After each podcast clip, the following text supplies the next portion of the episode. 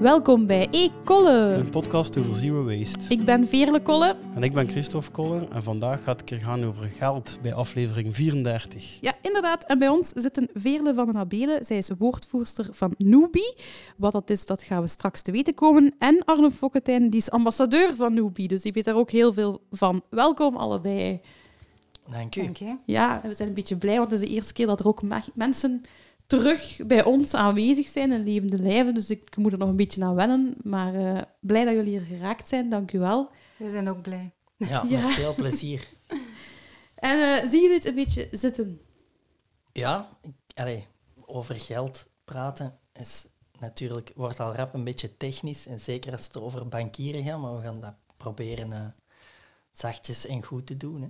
Ja. Het gaat over newbie en daar spreken we graag over. Ja, voilà. Absoluut. Oké, dus merci. Ehm, we gaan eerst even kijken. We hebben ehm, een paar reacties ook op de vorige aflevering. Dus we gaan daar ook even eh, vooral naar luisteren. En eh, de eerste reactie die we hebben gekregen op onze vorige aflevering, die ging over ehm zwerfvuil en ehm, ja, afval in het algemeen en ook sluikstorten. En we hebben een reactie gekregen van Tim over het recycleren van matrassen.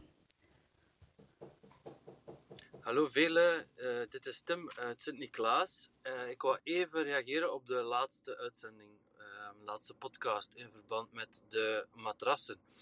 Het klopt dus dat de oude matrassen eh, van, vanaf 1 januari gratis naar het containerpark mogen. Ik werk zelf in een psychiatrisch ziekenhuis en we hebben jaarlijks wel een aantal oude matrassen. Ehm, vroeger moesten die matrassen dus op grof huisvuil. Die werden dan verbrand, vermoed ik. Nu is daar dus een aparte container voor voorzien. En ik heb ook gevonden op internet dat mensen die vanaf nu een nieuwe matras kopen, een soort van recyclagebijdrage betalen. Eh, een klein bedrag die dan eh, wordt ingezet voor de recyclage van de matrassen. Dat is eigenlijk een systeem dat al bestaat, zoals bij de elektronica. Hè. Eh, daar bestaat ook die, eh, die premie. Eh, dat maakt dat je dus die dingen gratis kunt terugbrengen naar het containerpark. Goed, dank u wel voor de leuke podcast en tot later. Dank u wel, Tim, voor de leuke reactie over de matrassen. Dus dat is weer goed nieuws. En om te horen dat er weer iets beter gerecycleerd kan worden en weer een beetje minder waste. Ehm, ja, we hebben nog een reactie gehad van iemand. En dat is eigenlijk, ik ga eerlijk toegeven, dat is mijn collega. en zij, ehm, zij praat ook heel graag over een recyclagemanier, namelijk eh, composteren. Zij heeft een appartementje, geen tuin, een klein balkonnetje, denk ik. Eh, en zij vroeg mij, eh, toen, voordat ze daar ging intrekken, van hoe kan ik nu composteren in mijn appartement? En ik zei, probeer een keer een bokashi-emmer. En zij is daar heel tevreden van. En zo tevreden dat ze ons allemaal gaat uitleggen nu hoe die bokashi-emmer te werk gaat. Dag Veerle en Christophe. Ik ben Erika en ik kom jullie vertellen over mijn bokashi-emmer. De bokashi maakt mest van je keukenafval zonder geurtjes. Het beste is om al het keukenafval klein te snijden. Bij de starterset krijg je een zak met een mengsel van effectieve micro-organismen dat ervoor zorgt dat het afval fermenteert. Je kan zo op een compacte en reukloze manier je keukenafval tot compost verwerken. Als de emmer vol is, moet je hem nog 10 dagen laten staan, waarna je de inhoud als mest in de tuin kan verwerken. Tussentijds kun je sap aftappen om voldoende aan je planten te geven. Het composteerproces verloopt zonder geurtjes. Het sap dat we aftappen ruikt fris zuur. Ook in de bokashi-emmer zelf ruikt het keukenafval zuurig zoals ook de bedoeling is. Dit betekent dat het fermenteerproces namelijk gelukt is. De starterset kan je kopen bij onder andere Ecologisch, EM Winkel of Ecomondo. Dat is keigoed. Kennen jullie dat? Of... Ja, ik heb er zo eentje thuis. En? Ja, tof. Ja. Maar dat sap ruikt wat mij betreft niet zo lekker, maar smaken verschillen. Maar, ah, ja, ja, wat zuur. eh. Lekker zuur. Fris, Dat zuur, fris fris, ze? Ja. Ja, ik weet het niet. Ik heb het nog niet geroken zelf. Ik ken het puur van zien online en, en van dingen zien passeren en filmpjes, maar ik heb het eigenlijk nog nooit in levende lijven in werk gezien. eigenlijk. Klopt dat het niet stinkt, maar fris ruiken zou ik nou ook net niet zien. Ik ga, Maar dat het is wel, iets fantastisch zo. ik ga dat wel proberen, want we hebben op onze koer in Antwerpen zo'n eh, wormenbak, maar dat Ja, dat heb stinkt eigenlijk wel. eh, Stinkt u? ja. Wel, ik vind dat dat weer dat fris zuur ik, een wormenbak. Want ik heb een je? wormenbak op mijn dak. En Soms iets hetzelfde zijn, ongeveer. ja, ik denk, want je moet wel heel goed opletten wat je daarin doet. Maar een keer dat dat echt op dreef is... Want in het begin heb ik ook wel zitten sukkelen en dan gingen mijn wormen dood, waren ze ineens allemaal weg. Maar na verloop van tijd en nog een keer nieuwe wormen erin te steken, is dat nu echt goed op gang. En ik vind... Ja, het is niet dat ik er mijn kop ga insteken, maar je riekt niet... Als hij dicht is, riekt er niks. Nee, nee, dat is waar. Als het dicht is, niet meer. Ja. Als je hem open doet, is dat toch wel... Een compostgeur, ja, zo wat aarde, vind ik. Ah, Licht nee, ja. Het is wel echt... Dus er zitten wel wat beerput-elementen in mijn- het zaten Ah, in mijn oké, ja, Dus Wil dat dan niet zeggen dat je hem fout beheert? Je Ja, moet waarschijnlijk, ja. Geen, geen bereidingen, hè. En Nee, nee, geen nee. vlees. Nee. Nee, gewoon groenten en ja, Ja. dit- wat dat je aan je kippen ook zou geven Ja. of zo. Ja, nee, de kippen eten nog meer.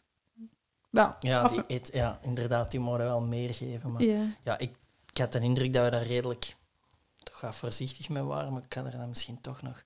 Of zo is een... Hoe heet een emmer? Bokashi Een emmer. bokashi-emmer proberen. Ik ja. ga dat proberen. Dat is super klein ook, hè, denk ik. Je kunt dat zo op je keukentafel. dus- Wat is dat? 40 centimeter hoog? zoiets? Ja. Een bakje. Voilà. Ja. Nu, mijn collega, dat heeft ze er niet bij gezet, die heeft ook een overschot aan ehm, dat vloeistof dat eruit. Of dat, Ja. eh, dus want je krijgt dan ja, dat is sap. ja, dat sap. En daar heeft ze dan natuurlijk te veel van. Je kunt dat wel aan je planten geven, maar je moet het ook wel verdelen met je buren, blijkbaar. En het zou onverdund werken eh, als een ecologisch alternatief voor distop. Als uw leidingen verstopt zijn. Ah, Ja. lijkt de koffiegruis eigenlijk zo. Ik heb het nog niet getest of Amai. het effectief werkt, maar dat staat erbij. Als je er te veel hebt, gewoon onverdund in de leidingen kappen als het nodig is. Ah, dat is dat is ook wel handig als je dan te veel hebt. Giet het gewoon. Maar zoals gezegd, ik ruik het niet graag. Ja. Oké. Va. Ehm, ja, we gaan een keer beginnen aan onze volgende rubriek. Dat is mijn favoriete rubriek en dat is de Zero Waste Velen Winnen. We Ja. gaan beginnen met de... Zero waste fail. Ja, dus Zero Waste Veel, een stapje achteruit, dat iedereen wel tegenkomt. Ehm, wie wil er beginnen? Ik wil dat wel doen. Ja. Ehm, dus wij zijn thuis bezig met alle plastiekweren. Telkens als er iets vervangen kan worden, doen we dat. We zijn er ook opgekomen, vreemd dat we dat vroeger nog nooit bedacht hebben, maar dat shampoo, dat dat eigenlijk eh, een plastieke potje is met heel veel water in en dan een beetje product. Dus je beperkt tot dat product is al een heel grote win. Mhm. Dus bijna alles is vervangen op dat vlak, behalve het handpompje in de keuken met handzeep. Dus we waren aan het wachten tot dat eindelijk op was. En dan was dat op. En dan hebben we een glazen pompje aangeschaft. En op het internet een recept gezocht om zelf handzeep te maken. En dat recept zegt, eh, kook drie liter water en doe daar dan dingen mee. Dus ik heb blindelings dat recept gevolgd.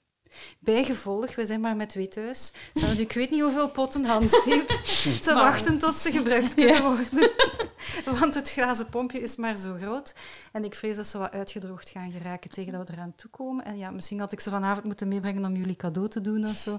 Normaal zou ik zoiets cadeau doen aan buren of collega's, maar in covid-tijden is dat Ja. moeilijk. Dus dat is mijn veel. Ik heb gewoon veel te veel zeep gemaakt. Maar stel dat ze uitdroogt, je kunt het altijd terug mixen. Hè. Ehm, En weer water bij doen. Ja, wat ik doe met mijn ehm, was, dus bij wasmiddel om de was te doen. Mhm. Eh, ik pak ook maar, denk twee keer per jaar of zo, vijf liter. Maar ehm, dat, dat sla ik op bij flessen, maar dat wordt ook een beetje hard. En dan giet ik dat eigenlijk terug in een pot, mixen. Allee, terug goed mixen met een mixer, hè, gewoon. En dan eh, heb ik dat terug vloeibaar gemaakt en dan giet ik het weer over in een fles. En dat lijkt allemaal lastig, maar dat is maar een paar keer per Ja. jaar dat je dat moet doen. Dus zo'n veel is mijn veel dan toch Nee, ik denk het niet. Ik denk echt, dat is de opslag, hè. dan moet je dat veel minder doen. Je kunt ook zeggen, ik ga elke week een nieuw, nieuwe zeep maken. Of je kunt inderdaad zeggen, ik ga drie liter zeep maken voor een, een jaar. Of voor mijn buren. Eh, ja. Ja, als cadeau is dat nu toch juist wel wel gekomen, want mensen verbruiken veel meer zeep dan andere jaren. Dat is waar. Ja. covid-tijden. Dat is waar. Of toch ver- verkopen of cadeau doen en erbij zeggen aan de mensen dat het super gemakkelijk zelf te maken is. En zo'n beetje de, Ja, de, word verspreiden Ja, ja, ja. eigenlijk. Een soort recept erbij. Ja, Of op een ja. fles. ja. Maar niet te veel maken, eh, want anders heb je drie bokkalen. Ehm, ja, nog iemand die zijn veel wil zeggen. Ik heb een iets praktischere veel zo. Ik ben eh, absoluut geen ochtendmens. Ehm, en ik eh, moet af en toe gaan monteren in Wespelaar bij Sylvester. En het is eh, onlangs vorige week ook weer gebeurd dat ik zo dat ik twee minuten te laat ben gewoon voor mijn trein en dat ik dan toch met een auto tot daar rijd om daar te moeten geraken. Dus dat is zoiets, ja, dat is gewoon stom onnozel. En, en eigenlijk zou ik daar wel iets aan kunnen doen, maar ja, persoonlijke fail. Een, een, een wekker wat vroeger zetten. Ja, en gewoon ook mij wat meer bewust zijn van de haast 's morgens dat die een trein effectief op dat moment vertrekt. Zo. Ja, die gaan niet eh, wachten op Nee, nee. Maar- rekenen op de gebruikelijke vijf wel. minuten vertraging. Nee, ja, wel. Ik, je hebt er dan ook zo al een paar keer gestaan dat die vijf minuten... Ja. En dan heb je zo kapot gehaast, dan staat het te zweten op dat perron. En dan denk je... oh, ja, het Ja. zal misschien toch niet... Ja, en dan die keer dat de trein op tijd is, zit jij zelf twee minuten te laat. Ja. Ja, maar eigenlijk is het wel leuk dat je als monteur nog mocht een keer niet thuiswerken. Allee, want er zijn veel Ja, mensen die thuiswerken. En eh, dan, zeg ik, dan is ook het gevaar van lang in je bed te blijven liggen. Dat is dan geen zero waste veel van mij, maar een gewone eh, een energieveel, denk ik. Dat, dus het is ook wel eh, toch positief eraan om wat vroeger op te mogen staan. Ja, dat wel. Ja, dat wel, dat wel.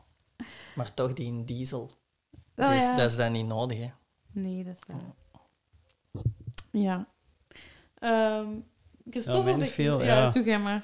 Ja, het, is een beetje triest, ja, vrij eh, betrokken op onze vroegere podcastaflevering.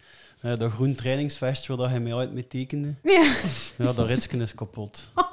Ah, maar dat Ja. kan gemaakt worden. Hè? Ja, maar mijn vrouw zegt van niet. Dat zei mijn mama ook. Ons mama dus Ja. zei dat ook altijd. Maar wij hebben... ehm, wij hebben in, in Grimbergen is er een, ehm, een, een, een strijkwinkel. Ik dacht, dat is een winkel waar ze alleen maar strijken, maar ze maken daar ook kleren. En ze hebben de ritsen met jas, met winterjas, volledig hersteld voor 20 euro. Allee, de winterjas van 250 euro en een rits... Allee, snapte? Dus dat, is- dat is goedkoper dan een nieuwe jas kopen. Absoluut. Plus, het is ook gewoon beter... Dus je kunt dat zeker... eh, En Ja. hersteld of gewoon een nieuwe gestoken? En wel, wat dat Ja. zij hebben gedaan, ja, dat is niet die jas, hè, maar ehm, ze hebben eigenlijk gewoon de rits eruit gehaald, een nieuwe Mhm. rits erin gestoken Ja. en dan Ja. genaaid. Maar een ervaren naaister, dus, Ja. Ja. dat is maar vijf minuten werk, ja, iets langer. Nog niet opgeven, Christophe. Ja, ik Nee, zou hem niet Ja. op, of geef Oh, het ik, had een beetje, met ik mij. had een beetje gehoopt met hier te zeggen dat hij nog ging gered worden. Ja, maar ik denk het Ja, anders wel spijs niet, daar ook niet op, hè. dat ligt daar dan. En, ja. Ja, veel mensen denken rits kapot gaan. niet. De rits van mijn schoenen heb ik al een keer laten herstellen, zelf zo een, eh, ja, een soort laars. eh, dus het kan. Maar je moet gewoon iemand vinden die het professioneel doet, denk ik. Ja. En als het gewoon is dat de tandjes van de rits niet meer goed in elkaar grijpen, dan is daar ook een oplossing bij. En het is niet dat mijn stokpaardje is, maar met zeep. Ah. Die kun je kopen bij Veerle. Ja. Ze deelt ze tegenwoordig Andere uit. Veerle. ja. Eh, nee, maar er is iets mee dat, dat je dat gladder maakt met zeep en dat die dan terug in elkaar haken. En dan een paar keer ritsen en dan werkt de rits weer wel. Ah, Mocht dat het probleem zijn. nee, het is zo van onder. Mm, Zo, ah, ja. Een van twee dingen is eraf. Zo. Nee, dan heb je een nieuwe nodig, denk ik. Ja. Ja. Maar dat is eigenlijk ook een hint dat ik u nog een keer moet tekenen in uw trainingsvestje. Dat je dat zeker gaat Ah. herstellen. Nee? Ah, nee, ja, die, dat trainingsfestje is er wel gelinkt aan. En dat had ik toevallig aan de eerste afleveringen. Hij bleef mij daar ook maar mee tekenen. Ik bleef dat ook expres aandoen als het iets met de podcast te maken Ja. had. Dat is om te weten. Een van de jasjes van mijn dochterke, die, die rits is ook kapot. Voilà. Ja. Dus het is nog niet verloren. Nee. En ik denk dat er wel nog een paar mensen aan het luisteren zijn die nu zeggen: Ah, mijn rits is ook kapot. Het is nog niet verloren. ik Ja, denk maar echt ze dat dat. moeten niet allemaal naar Grimberg. Nee, zo niet allemaal in Grimbergen, maar als in Grimbergen iets kan, kan het overal. Eh, Ja. Zeker als je in een stad woont. Allee, Grimbergen... En een strijkatelier doet dat. Een, een strijkwinkel noem het daar, maar dat is eigenlijk een, ehm, hoe noemt dat, een sociale werkplaats of Ja, zo, ook een. Ja. Ehm, ja, die doen dat, die hebben dat gedaan. En ik ga binnenkort terug, want Lucas heeft met zijn broek ergens aan blijven apelen. en hij zei ook, het is kapot. Ik zeg, nee, strijkwinkel. Kapot, dat bestaat niet. Wordt vervolgd, wordt vervolgd. En dat is niet mijn zero waste veel. Ik- Mag ik mijn zero waste Ja, dat zeggen? Ja. Ehm, mijn zero waste veel van deze maand was eigenlijk iets onnozel. Ehm, ik ben zelf gewezen op het feit dat ik iets in de vuilbak smeet. En ik ben echt door de grond gezakt van schaamte. Maar eigenlijk, ik moest naar de tandarts. En ja, mijn tanden waren in orde. Maar bij de tandarts zijn we verplicht om een wegwerpmasker te dragen. Mm. En ik, ik, ja, als een dokter of wat dan ook dat zegt tegen mij, dan doe ik dat. Ik volg de regels, want ik wil liever dat mijn tanden in orde zijn. Dus ik had dat aangedaan. Ik kom buiten. bij de tandarts en ik gooi dat weg. En op dat moment zegt er iemand die zo'n herbruikbaar masker draagt, maar die duidelijk al heel, heel vaak herbruikt was, want het was niet zo hygiënisch meer, maar wat. Die zei tegen mij, weet je dat je ook herbruikbare mondmaskers hebt? dus ik voelde mij echt zo... Ja, ik weet dat. allee, maar die, het is niet dat die mij kenden of zo, maar eerst vrezen dat ze van, oh nee. Ik word gepakt op mijn Ja, missie eigenlijk. Ja, maar ja, ik, ik had gewoon gedaan wat op dat moment mij gevraagd was. En, dan- dan bleef hij zo herhalen van, je kunt dat wassen. En hij begon over zijn masker kunnen. En hij begon over alle manieren waarop dat je dat waste. En, en hoe vaak dat ik hij- weet dat wel. Ja, ik zei gewoon, ja, ik weet het, ik ga dat zeker doen. Maar ja, ik mocht... Ja, die tandarts... Allee, ik kwam echt buiten en er al een vuilbak naast die deur. Dus ja, dat was een beetje mijn veel... Ja, is te veel? Ik weet het niet, maar ik voelde niet, mij zeer geveeld. Ja, eigenlijk niet. Maar Ja. nee, want je, je, mocht eigenlijk Nee. niet anders. Nee. Maar op een ander vlak is het niet goed om die maskers weg te gooien. Eh, je zou minstens die elastiekjes achter de oren moeten doorknippen of bijhouden voor een wasbaar masker. En waarom doorknippen? Er is, ik denk, een Duitser die foto's maakt van dieren Ja, die versukkelen in een of ander menselijk product. Ja, maar dat is als het in de natuur belandt, hè. Ja, maar dat kan uit die vuilzak waaien of als de vuilkar komt Hmm. en het raakt verloren. En dus er is een foto van, ik denk, een eend of zo, die met zijn pootje daarin verzeild geraakt is en zo gestorven. En jij kent die blijkbaar ook, die, die foto. Ik heb die foto ook al gezien, gezien, ja. ja. Ja. Want die heeft ook zo'n foto van... ehm, ik ga daar nooit, maar McDonald's heeft blijkbaar ijsjes Ja. in zo'n konische vorm. En dus dieren, de egels, steken daar graag een kopje door en geraken daar dan niet meer uit. En Nee. sterven dan met zo'n Ja, McDonald's-ring rond hun... En eh, enfin, allemaal dingen waar ik dus niet bij stilstond, maar blijkbaar wegwerpmaskers. Ofwel de elastiekjes doorknippen, ofwel ze er helemaal afhalen en in een herbruikbaar masker Ja, dat is eigenlijk ook nog goed. Kijk, ik ziet wel dat het veel was. Het was echt te veel. Ik had, het, ik had er veel meer mee kunnen doen. eh. ja. En Wel, ja, maar ik denk, al, ik denk altijd als ik het in de vuilbak gooi, dan gaat het niet meer, normaal gezien, niet meer in het wilde weggaan. Maar inderdaad, het kan wel gebeuren. Het kan wegwaaien of, kan of op het stort gaat de Ja. zak open. En... Goed, daar ben ik dus op gepakt geweest deze maand. We gaan eh, het positieve nieuws. eh, Ja. Tijd voor de... Zero waste win. ja, gaan we weer hetzelfde volgorde? Ik vond dat wel leuk. Ja. Eh, mijn win is een, een relatief onverwachte, denk ik toch. Ik denk dat jullie allemaal gaan verschieten. Ehm, en het gaat over CO2-uitstoot. En dat is dus dat spiekbriefje dat ik hierbij heb, want ik kan slecht getallen onthouden. Maar dus we weten allemaal dat het goed is om eh, korter te douchen. Heel uw leven lang twee minuten korter douchen is blijkbaar 1 ton CO2-uitstoot gespaard.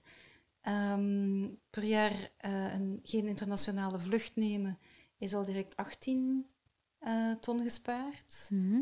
Altijd de trein nemen in plaats van de auto, 26 ton. Ja, ik weet het, ik weet het. Eén keer, per vlees eten, één keer per week vlees eten is eh 35 ton gespaard. Maar, en hier komt de win, uw pensioensparen verhuizen naar een duurzaam fonds. 2000, en nu valt mijn scherm uit, 2222 ton CO2-uitstoot bespaard. Wauw. Voilà, ik wist het ook niet. Maar dus het nut van een duurzaam pensioensparenfonds. Daar heb je het met Bert Gabrielsen al over gehad. Hè? Ja, Ja. ja. Ja, Ik heb die geluisterd voordat ik naar hier kwam. ja. maar heb, heb je dat dan gedaan deze maand? Of, Eh, nee, want Jubi heeft nog geen pensioensparen, Dat maar dat ga ik straks vertellen. ja, dat is ook een van mijn vragen die er eh, staat. Maar het gaat een ongelofelijke win zijn, direct als we het kunnen doen. Ja, dat is ook eh, iets dat ik wil doen. En inderdaad, ik heb het er met Bert Gabriel over gehad. En dat was inderdaad... Jij hebt mij daarvoor overtuigd. en ik heb uw vraag, want dat was ook uw vraag. Dus de Ja. mensen die die aflevering hebben gehoord met Bert Gabriels... We hadden een vraag van Arne. Die Arne zit hier nu. Ja, ik En- heb de achternaam niet gezegd toen. Nee, nee, ja, omdat we alleen maar met de voornamen werken. Maar Ja. ehm, ik, ik, ik durf ze inderdaad eerst niet stellen en ik heb ze een beetje anders gesteld dan dat Arne Ja. eigenlijk wou, want Arne had heel directe vragen voor Bert. Dat is niet erg. Ja, en, het is gelijk dat je zegt, of dat je toen al zei, van waarom durft niemand over geld te praten? Dus ik, ik heb dan uiteindelijk ook door Arne besloten om een keer over geld te praten. hij had wel degelijk een antwoord. Hè. Ja, had eigenlijk Ja, wel een goed eigenlijk wel een goede antwoord, Ja. vond ik. Ja. Hij kan Ja. dus gewoon een intro op wat we het nu vandaag gaan Ja. over hebben waarschijnlijk. Ja, want hij was er dus inderdaad mee bezig, want hij was er al mee bezig geweest. Hij had er al over nagedacht. Hij wou CO2-neutraal gaan en ook zijn Mhm. geld wou Ja. hij dus eh, Ja, CO2-neutraal. dat is iets dat je gemakkelijk vergeet. Hè. Ja, Ja. En het probleem waar dat hij bij uitkwam, is eigenlijk dat je de wetgever voorziet wel dat je mocht een contract dat bestaat stopzetten en een nieuw contract ergens anders opstarten. Maar je mag niet zomaar fondsen migreren, blijkbaar van het ene pensioenspaarplan naar het andere.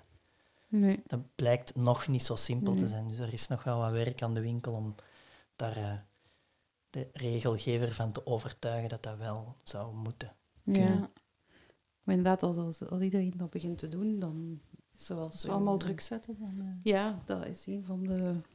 Dus ik hoop dat ik veel mensen... eh, dat veel mensen die nu luisteren, gewoon ook beseffen hoe belangrijk dat is. Eh, en dat ze er hun win van maken, natuurlijk. Ehm, gaan we nog een win van horen? Goed, het is een beetje een, ehm, een nostalgische eh, win. Ik, het is een- de herontdekking van de grenadine eigenlijk. Ja. Is dat omdat je nu net geen nadine hebt gedronken? Nee, nee. Ah. Ik ben blij dat ik het zie staan. Ah, wij, ja, Ja. wij kochten altijd zo limonaadjes eigenlijk. Dat zit dan in blik, hè, voor als je aan het werken bent. Ik heb thuis ook een montagestudio, dus zo in de namiddag diep en je hebt wat suikertekort en wilt er alweer zo'n blikje fris open gaan. En eh, ik denk een tweetal weken terug, of misschien iets langer, stond er zo eh, passievrucht en frambozen Mhm. eh, grenadine in de winkel. Heb ik dat meegepakt en ik heb dat eigenlijk zo wat herontdekt. Vroeger hadden we dat altijd thuis. Eh, en nu terug. Dus dat Ja. bespaart me eigenlijk een hoop afval. Ja, en een hoop gezeul met flessen hè. Ja, en blikjes absoluut. of wat dan ook. Ja. Dat is een beetje hetzelfde als met de zeep. ja. Als je vloeibare zeep koopt, koopt je 80% water en 20% zeep. En nog wat Hetzelfde met verpakking ook. limonade. Wat? hè? En nog wat verpakking En ook. nog wat verpakking ook. hè. Dus je betaalt voor, voor uw verpakking en uw, en uw transport. En inderdaad, met grenadine ook. Je, ver- je koopt, als je limonade koopt, 80% water en 20% grenadine. Dus ja, als je gewoon de grenadine koopt, dan... eh, en het is lekker, hè? Grenadine door de yoghurt draaien. Ja, Die wel ja. ja. Dat moet ik Klein nog proberen. Ja, doen. Ja. Dan moet je ook alweer geen yoghurt met smaakjes kopen. Dat bespaart Ah, ja. je ook geld. En weer van verpakking. Eh, dus allemaal eh, mogelijk. Supergoed. Ja, Mm. Ja. dat is een wondermiddel. En het is ook niet zo moeilijk om grenadine te maken. Maar ja, ik snap dat niet iedereen dat natuurlijk eh, doet. We hebben wel zo'n tijd eh waterkefir gemaakt. Ja, Maar omdat dat licht alcoholisch is en als we Oei. dan kinderen kregen, ja, daar zit Is zo'n heel klein percentage alcohol in. Is dat? Ja? Ah, dat wist ik niet. Want als we kinderen kregen met de borstvoeding hebben we dan, ja, hebben we dat even Ah. gestopt. Ja. Maar nu, als denk ik de jongste van de borst af is, dan is dat misschien een gelegenheid om dat eens terug te, daar terug mee te beginnen. Allee, jong. Ja, kombucha is ook licht alcoholhoudend. dat wist ik allemaal niet. Zeer miniem, maar... Ja. Dat Maar zo homeopathisch alcohol is Ja, het. ja, is gewoon zo. ja, amper merkbaar. Ja, amai. Dat wist ik niet. Ehm, ja, Christophe. Ja, ik, ga- ik moet dus een paar kiezen. Ik ga, ik ga op één aansluiten die, eh die Arne nu heeft gezegd. Ja. Dat ik nu toch echt, niet op papier, maar toch echt wel de belofte heb dat de watermachine op mijn werk er gaat komen. Ja? Tegen dat we weer wat meer op kantoor zitten, want wij zitten wel echt allemaal thuis. Die, ja, het is toch al een jaar en een half geleden dat ik het heb gezegd dat ik dat voor het eerst achter gevraagd heb, maar dat is nu, eh, ja, die gaat er nu echt wel komen. Ah, cool. Ja, Van- ik ben ook aan het wachten op mijn werk op Vanuit de Patrick. eh, dan. Ah, misschien ga ik de, ik wil mijn win veranderen. Van die maar over, ook over mijn werk. De Sipwell is weg. Dat is al een begin. En ik weet niet of je Sipwell kent. Ja, dat zijn die tanks. Ja, die tanks die dus ook gewoon heel veel voor transport voor water. Eigenlijk is dat gewoon watertransporten met een Ja. camion. En dan heb je zo plastic bekers op je werk. Maar die is al weg. Dus dat wil zeggen dat binnenkort bij ons ook dan eh, zoiets gaat komen. Zo'n, uh, hoe noemt hoe noemt het? Een watertap. Maar ik weet Ja, niet. Ijswater eigenlijk, maar dan... En wel verfrisselijk, dus Ja. eigenlijk een, een soort machine die water fris houdt uit de kraan. En waar dat je kunt kiezen voor bruiswater of Mm. plat water. Maar het Ja. wordt fris gehouden, gefilterd nog een keer. Ehm, en dan bij wij het drinkvuur. Ja, voor de mensen die dat dat dan dus willen ehm, ook doen op hun werk, ik heb één kleine tip. Eh, sowieso, als je dat bij je thuis wilt doen, komen ze controleren. En voor de mensen die in een ouder gebouw werken of wonen, hè, ze komen dat controleren op, op giftige stoffen van lood of zo nog in de binnenleiding, waar dat niet bij kunt. Want tot aan u, tot, van aan de straatkant tot aan uw huiskant, maar het kan uit zijn dat in een gebouw woont of zo, waar dat, waar dat echt niet... En, en in ons geval was dat zo. Ehm TMVW noemt, of nee, Faris, eh, komt dat controleren. Eh, die doet dat gratis sowieso voor, voor de eh, particulieren. Voor bedrijven doen ze dat niet gratis, maar zelf daar kun je dat gratis krijgen. Je moet gewoon een beetje wachten, want die controleurs moeten steekproefgewijs rondkomen en je kunt je daar gewoon op een lijst zetten voor die steekproeven. Dus dan komen ze, het moment dat ze in ons geval in de buurt van ons bedrijf ergens moesten zijn en een steekproef nemen, hebben ze dan gewoon ons genomen. En dan, ja, dat was drie weken wachten. In mijn geval, dat is niet zo lang. Hè. Amai, snel. weet Al anderhalf jaar Weet dat is ik al een anderhalf jaar aan het, aan het lobbyen ben daarvoor? Ja, het is al lang niet. Ja, misschien wa- waar dat gemonteerd of eh, bij Doobie. eh Ja. dat.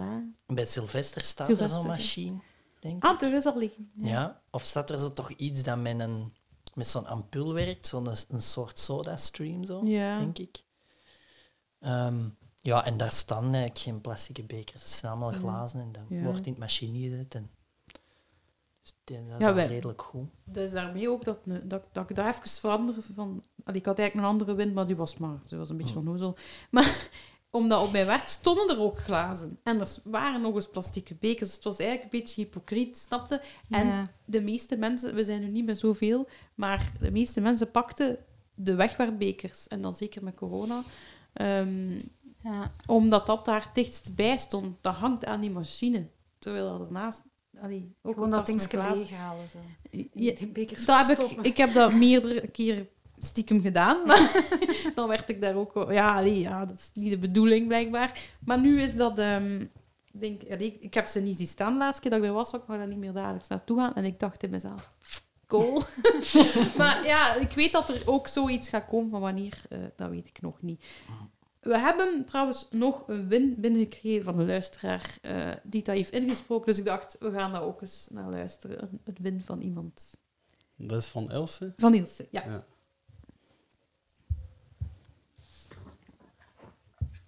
Hallo, Ilse hier. En ik wou eigenlijk graag mijn zero-win van deze maand met jullie allemaal delen, want het is een heel eenvoudige. Vroeger, als ik op hotel ging, nam ik altijd die kleine tubetjes mee naar huis met shampoo en conditioner en douchegel. Maar eigenlijk gebruikte ik die tubetjes niet. Ik nam ze mee naar huis en stopte ze allemaal samen voor het geval dat ik ze eens kon gebruiken. Maar op een gegeven moment nam ik dan de stap om niks meer mee naar huis te nemen en zelf mijn zeeblokken eh, mee te nemen als ik wegging. En die tubetjes zijn altijd in een kast blijven staan. Deze maand ben ik eigenlijk gewoon alles beginnen opgebruiken. Ze vol weggooien heeft geen zin, dus daarom dat ik eigenlijk nu alles eerst opgebruik in huis. Een echte win, want ik krijg zo meer plaats in mijn kasten en ik moet nog niks nieuws maken of aanschaffen. Dus een heel eenvoudig om mee te starten als je niet weet waar je moet beginnen. Voilà. Dat is een, eh, leuk dat, dat, dat zo'n ontdekking eh, geweest is van een luisteraar van Ilse. Dankjewel, Ilse. Die pakte dan mee, maar die gebruikte dat dan eerst Nee, wel maar ik heb een dat- beetje of zo. Nee, ik heb dat ook gehad. Vroeger... Iedereen doet dat. Ik deed dat ook in mijn... Oh, gratis. eh je hebt ook hotels die er geld voor vragen, blijkbaar. Maar sommige hotels is dat gratis. En dan pakte dat mee. En ergens denkt je, ja, voor de volgende keer dat ik op hotel ga en licht moet reizen, maar ja, Ja. die liggen daar dan weer. Ja. Dus, Dus ik doe het ook. Ik pak één stuk zeep mee en... ehm ja, pilletjes voor tanden te poetsen. Dus... Ik heb dat misschien wel eens gedaan, maar dan de tweede keer toch gedacht van ja, ik heb die vorige nog altijd niet gebruikt. Ga de deze nu Mm. misschien toch laten liggen. Ja. Goed Of als van ik, u. als ik ze laat liggen, dan blijven ze hopelijk gewoon liggen voor de volgende. Maar dat doen ze... Ik weet niet. Zo, Maar ik doe dat vraag dus mij niet. af. Ja. Laat ze dat dan liggen voor de volgende. Want ik laat het liggen, ik blijf eraf. Zo, Ja. Soms heb je ook zo'n bekertje dat zo... Dat in de plasticje zit. Ja, ik blijf er allemaal af. En dan... eh, Ja, dan wel, ik hoop dat ook, dat het Ja. dan gewoon zo Weet je wat? blijft staan. Weet je wat ik dat wel nog altijd... Pijs dat dat bij ons toch win is? Dat zijn de melkjes van, die, de, die ze op café geven bij koffie. Die ze sowieso geven. En wij thuis hebben geen koemelk. Nee. Dus dat is hier gewoon niet in huis, Nee. meestal. En als dan iemand een keer een koffietje drinkt en die wil daar melk bij, dan lijkt mij nog het efficiëntste dat wij de die hebben Allee, Ja. Dat is zo'n tijdje geweest en dat kwam Ja. juist uit dat het aantal mensen die zo'n maasje wou drinken, plus het aantal maasjes dat Ah, wij dus meenamen neemt naar die huis. wel mee op café om voor als er iemand per se koemelk Wat heeft. dat eentje dan ons geven. Ja. Ja, want de keren dat ik al koffiemelk, zo, zo klein mogelijk dingetje gekocht heb, dan nog, dan, dan word je Dat slecht. Ja, slecht, want wij zelf drinken dat er niet in. Ehm, Mm. Ja, en het dat pijs ik nog zijn. altijd, dat dat nog altijd efficiënt is. Want, eh, Maar misschien gooit dat café dat wel weg, hè? Als, je zo, als ze dat dan Ja, terugvinden dat in de rand dan van je kopje en er is wat koffie opgesmoord Ja, dan- of ja, ze smijten dat weg. van. Dus Bij mee- ma- ja, mijn man werkt Ja. in de horeca en Mhm. bij hem doen ze dat niet, maar met corona weer wel. Ja. Maar ehm, ja, normaal gezien ook een koekje, als dat niet vuil was en niet aangeweest, dan gingen ze dat er gebruiken. Mm. Maar Dus kun je ja. dat niet ergens kun je dat niet gewoon kopen ergens, ook Christophe, een klein klein melkje? Ja, maar ze kwamen uit. Ah, We hadden nooit, we nooit geen... ah, ja, Ja, ja. hoeveel, hoeveel keer... Ja, nu zeker ver niet, hè. Ja. Maar zelf toen, ja, zoveel keer was dat ook niet. Dat, eh, ik weet als ik het kleinste pakje met, met kleine verpakking, dat zou het nog kunnen als over datum gaan. Want melk, dat is toch niet... Ja, ik weet niet zoveel van... Dat is zoiets uit mijn leven verdwenen, is koemelk. Ja. Mijn dochter was er vrij allergisch aan, was sinds dat ze zei het er is. Ja, maar ik Ja. denk, het is, dus melk is geen duur, allee, niet zo'n duurzaam product. Oh. Dus als je het dan kunt redden van in de vuilbak gooien, dat is dan nog beter dan... eh, Zeker. Ja, want dat is wat dat je doet uiteindelijk. Ja, want hè. ja, de kans is vrij groot, denk ik. Goh, misschien een keer een enquête kunnen doen. Hè. Ja, misschien moet dat Maar ik denk met corona dan veel Ja, nu horeca sowieso, ja. is Ja. verplicht om het... eh, als een keer dat iemand eraan is geweest, dan moet Ja, het dat weg en tafel nu. gelegen heeft. Dus ja, nu zou het denk ik duurzaam zijn om het dan toch te redden en wel Ja. niet nemen naar huis. In plaats van eh, het te laten liggen. En dan voor iemand die per se koemelk wil of die dat nodig heeft, te gebruiken. Ik denk het wel. En als er mensen in hotels werken, die weten of dat ze de zeepjes Ja. gewoon laten staan, als er echt niemand is aangeweest, die mogen dat ook laten weten. Ja, dat Ja. is wel goed. Dat Ja, wil ik ik weten. ook. Ik doe daar altijd zo mijn best voor om daar niet aan te komen, Ja. dat niet nat te maken. Dat ze echt zien, ik ben er niet aan geweest, laat het staan. Ja, want zo bij de hoekje waar dat ze de thee eh, waterkoker hebben staan, hebben ze ook een glas. Ja. En ik gebruik dat glas dan. Met als zo'n het mijn tanden papierken goed. op, zo. Ah, ja, nee, ja. Soms. Ik weet het Soms, niet. ja. Maar het is dat glas dat ik dan gebruik voor mijn tanden te poetsen op hotel. Om dan niet dat plastic Ah, bekertje ja, ja. te gebruiken. En ook om geen water te verspillen, want je verspilt minder water in een bekertje dan met je handen te poetsen. Dus alleen met Mhm. ja, je handen te gebruiken als beker, snap je? Dus ja, dus ik ben benieuwd eh, wat er daarmee gebeurt. Eh, maar goed, we gaan eens praten over geld, over banken en over money.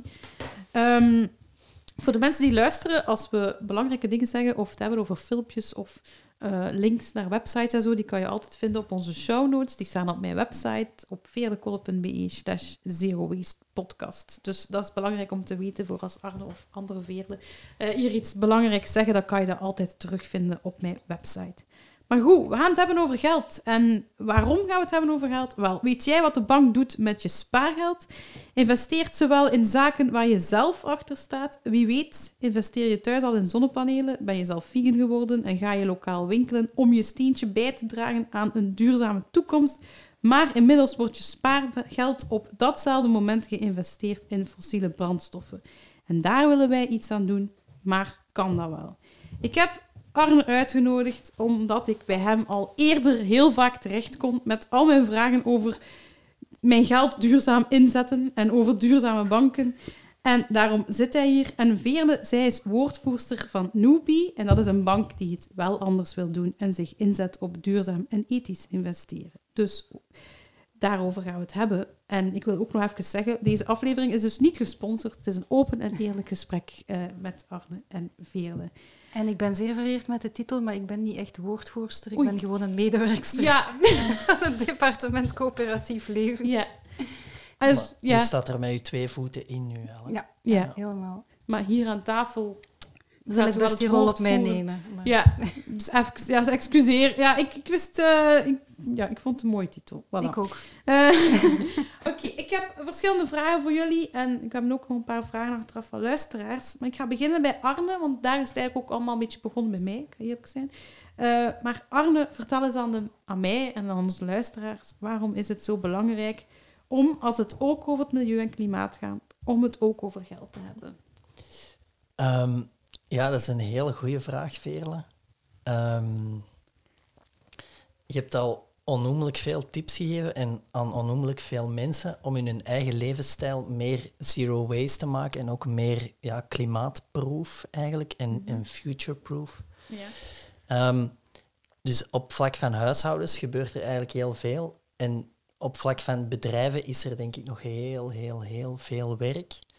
Ehm, en het is zo dat eigenlijk ja, nu zitten bedrijven zo in elkaar dat ze jaarlijks een bepaalde omzet draaien, dat ze kosten hebben, dat ze winst maken en op die winst worden ze belast. Hè? Gaan deel naar de overheid. En eigenlijk staat die overheid in nu voor alle externe kosten die er ja, voortkomen uit het, het draaien van de samenleving. Dus zowel van die huishoudens als van die bedrijven. Wij kijken naar de overheid als een soort huisvader om die, die planeet waar dat we op leven, om erover te waken dat, die, dat we die in de toekomst nog hebben. Ehm, en we komen eigenlijk uit een, uit een, een fiscaliteit, een, een geheel van een belastingstelsel, dat heel boekhoudkundig kijkt naar die bedrijven. Hè? Hoeveel brengen die op en dus hoeveel kan er dan uit de kas naar de overheid en welke middelen heeft de overheid dan om ja, voor die planeet, voor dat milieu te zorgen. En je voelt nu met de, met de Europese Green Deal ehm, dat er wel nagedacht wordt over oké, hoe kunnen we naast een zuiver boekhoudkundige fiscaliteit ook toch een soort een groene fiscaliteit installeren. Dus waarom zouden wij eh, als overheden al die kosten dragen die de bedrijven zelf niet dragen, als we die eigenlijk ook kunnen fiscaal stimuleren om zelf een aantal stappen te zetten naar verduurzaming. Dus daar wordt nu eigenlijk heel, heel hard over nagedacht. eh, welke impulsen er zo zinvol zijn, zodanig dat automatisch de meest klimaatbelastende producten duurder worden in de winkel en dat de, de minst klimaatbelastende producten dat die goedkoper worden, zodanig dat ook weer uw consument in de juiste richting beweegt. Een beetje het principe van de vervuiler betaalt. En dat, dat, Ja. oh, dat is al een oud principe.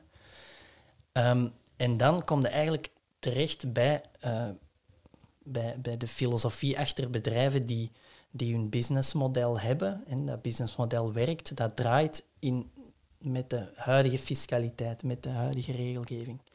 En die bedrijven zijn vaak gefinancierd voor een deel met eigen vermogen, het oprichterskapitaal en de gecumuleerde winsten uit het verleden, en het vreemd vermogen. Dat vreemd vermogen is vaak geleend bij een bank. Ja. En op het moment dat die bedrijven die, lening, eh, die leningen zijn aangegaan, heeft de bank eigenlijk gekeken, oké, hoe zit dat businessmodel in elkaar? Wat zijn de risico's voor ons als wij die lening geven? En gaat dat ook iets opbrengen voor ons? Met andere woorden, als je een soort groene fiscaliteit pusht op al die bedrijven, ja, dan verandert je al die businessmodellen van die bedrijven. En dan moeten die anders beginnen rekenen. Maar dan maakt je ook dat de waarborgen die die bedrijven hebben gegeven aan de banken om al die leningen te krijgen, dan zet je die waarborgen eigenlijk onder druk. Ja.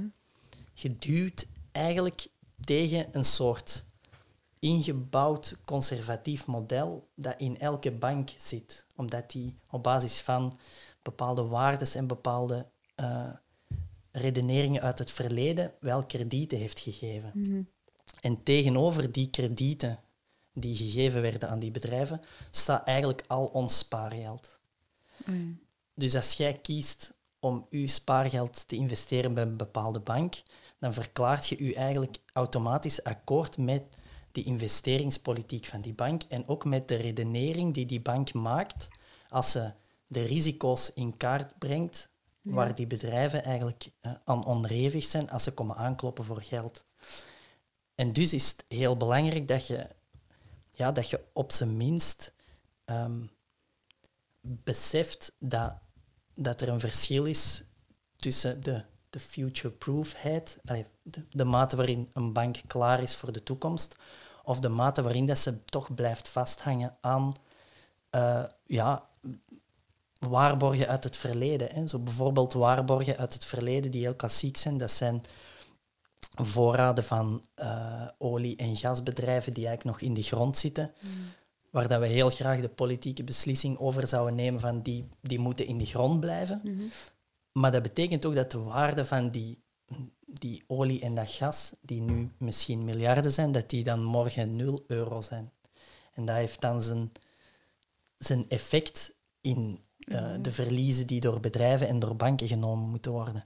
Dus er is daar een soort... Ja, er, er, door hoe banken en bedrijven in elkaar zitten, maken ze die politieke beslissing heel moeilijk. En die politieke beslissing is zogezegd een beslissing die wij met een democratische meerderheid kunnen nemen. Maar door hoe banken en bedrijven werken, valt die de facto heel moeilijk te nemen. Dat is daardoor. En daardoor is het van belang dat je als spaarder je bewust bent van dat mechanisme, omdat je eigenlijk door geld weg te halen bij een, een conservatievere bank, maar conservatief is eigenlijk een heel slecht woord, want wat is er nu conservatiever dan te proberen je planeet te behouden? Mhm. eigenlijk, hè? Er, er is niks conservatiever dan dat eigenlijk. Ja.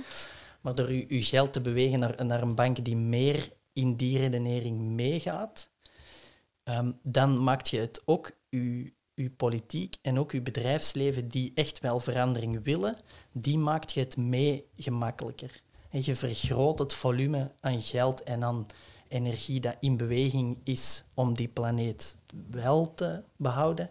En je trekt je geld weg uit een, een meer ja, puur boekhoudkundig, een, een, risicomodel uit het verleden eigenlijk, waar dat we van tegen de limieten botsen. Dat is eh, een lang antwoord op uw vraag, maar ik, ja, ik hoop dat dat toch er is. eh. Ik denk dat dat een goed duidelijk antwoord is. Maar ja, dan, dan vraag ik me natuurlijk af, als, als, als puur consument, je zegt, ja, haal je geld weg bij banken die nog zo ouderwets of conservatief, dat niet zo conservatief is, denken.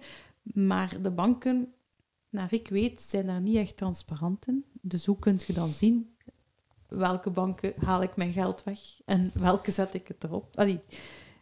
Wel, ehm, dat is inderdaad niet gemakkelijk. Er is gelukkig een Belgische NGO met een internationaal netwerk die daar eh, al veel onderzoek naar doet en dat Mhm. ook jaarlijks doet. Dat is Fairfin. daar Eh, heeft eh, Bert Gabriels het ook over Ja, gehad. voilà. Ze hebben een Waalse tegenhanger, Réseau Financité, die, zit in ehm, hetzelfde gebouw als ja, Newbie. die in het Ja. gebouw van Newbie zitten.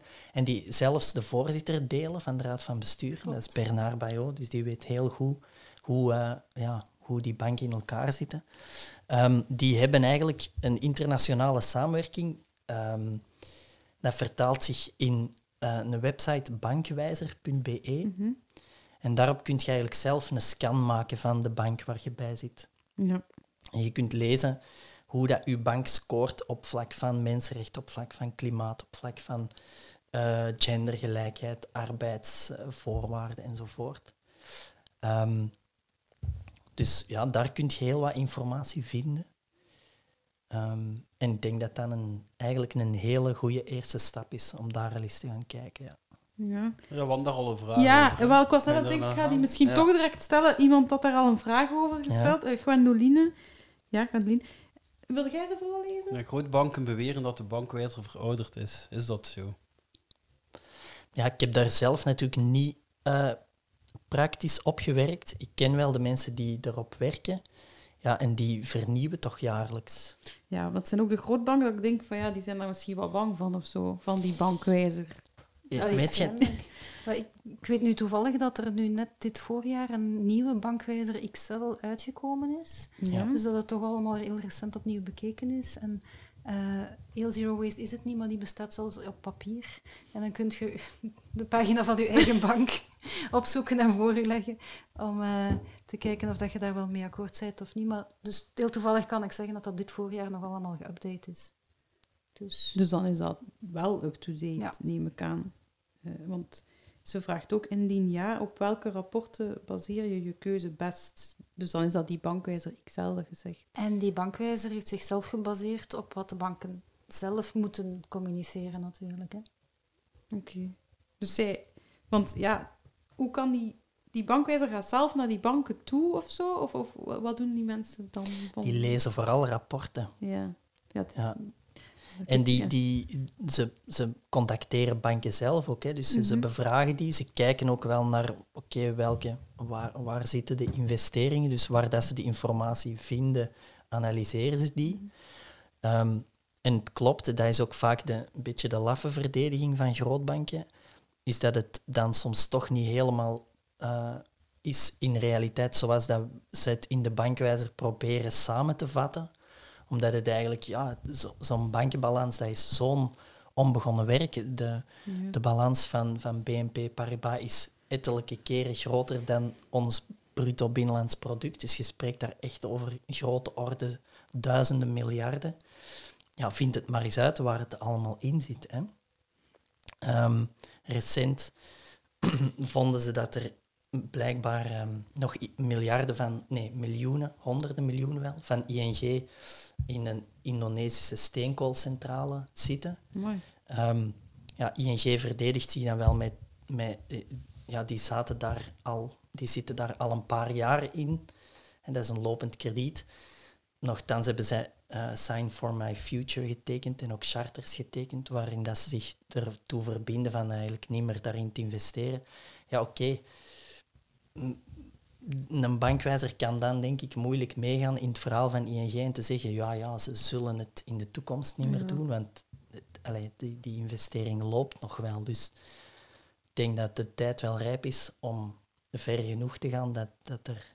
allee, het is misschien wat gevoelsmatig, maar de grote kuis mag op dat vlak toch wel beginnen, denk Ja. ik. Ja. En kan een bank eigenlijk zelf zeggen, ik stop nu direct? Is dat voor een bank eigenlijk? Heeft die de macht om, gelijk ING, dat weet niet iedereen. Dat weet ik niet. Dat is omdat dat ook waarschijnlijk een, like dat is echt een lopende lening is die ze zelf niet... Ik denk dat dat participatie per participatie verschillend is, maar waar een wil is, is een weg. Ze zouden ook kunnen communiceren, we kunnen er de eerste drie jaar niet uit, sorry, Ja. want dat gaat onze klanten veel geld kosten, maar zodra we eruit kunnen, doen we het. Dat zou dat een mooie niet, communicatie zijn. Ja. Ehm, maar ehm, omdat jij er zoveel van weet, Arne, vro- vroeg ik mij even ook af. Wanneer is bij u eigenlijk zo dat... Wanneer zijn je daar bewust van geworden? En hoe is dat eigenlijk gebeurd dat je u ineens hebt daar op beginnen ja, focussen, zeg Ja. maar? Dat zo... Ik herinner me dat eigenlijk niet meer. Maar ik weet, ik ben wel al echt vanaf dat kind was gefascineerd door geld op een bepaalde Ah, ja. manier. Ik wou ook rijk worden en zo. Dat, dat wil ik nu gelukkig niet meer. Allee, of nu weet ik hoe rijk dat ik ben op andere vlakken. Ja, ik zal het zo zeggen. Ehm, en ja, zeker als dan nog klimaat erbij komt en duurzaamheid. Ja, geld, voor zover dat ik weet, bestaat dat in de natuur nergens. Hmm, Dus nee. wij hebben dat als mensen op een gegeven moment ingevoerd. In het begin door Ja. koningen die dan hun eigen kop op, op munten lieten slaan of door heersers. Ehm, en dat is, dat is dan eigenlijk dat is begonnen als een soort soldij of zo, hè, om een leger eigenlijk te, mee te kunnen betalen. Ehm, ja, als je, als, je, als je iets invoert dat zo alomtegenwoordig is dan geld, dat niet bestaat in de natuur, dan moet het toch al wel heel straf in elkaar zitten om de natuur eigenlijk te verbeteren. Hè? Ja. En je merkt dat op veel vlakken is dat het dat toch niet doet. En zeker dat het ons nu eigenlijk zo'n beetje tegenwerkt. Vandaar dat mij eigenlijk wel eens blijven fascineren. Zo. Mhm. Het zit in, het leven van elke mens en iedereen heeft toch wel een heel financieel luik ook aan zijn leven. Ehm, en lang dachten we ja, dat, dat de planeet dat die wel altijd ging blijven bestaan, dat die ons ging overleven. En dan kom je in een generatie terecht waarbij, dat, waarbij dat iedereen rond u toch zegt, of, en dat de, de wetenschappers ook de ene alarmerende open brief na de andere begint te sturen van ja Mhm. jongens, misschien toch eens eh, herbekijken. Zo. Ja. Dus ja, ik heb, het is, er is altijd al wel iets. Er is altijd zoiets geweest. Maar ik had ook niet kunnen voorspellen dat dat ook met mijn engagement voor Newbie dat zo'n centrale rol of zo ging opnemen. Dat ik niet, die had ik zelf niet voelen aankomen. Nee, maar je hebt wel op een bepaald moment dan gezegd van... Oké, ik weet nu dat ik mijn geld in de juiste dingen moet investeren en ook mijn spaargeld ook. En Ja, Wat heb wat, jij- zoek, wat vind ik dan? ja, wat heb Ja. jij toen gedaan? Van, eh, zijn jij direct van bank veranderd op één dag? Of, eh, Ja, eigenlijk wel. Ehm, eigenlijk wel.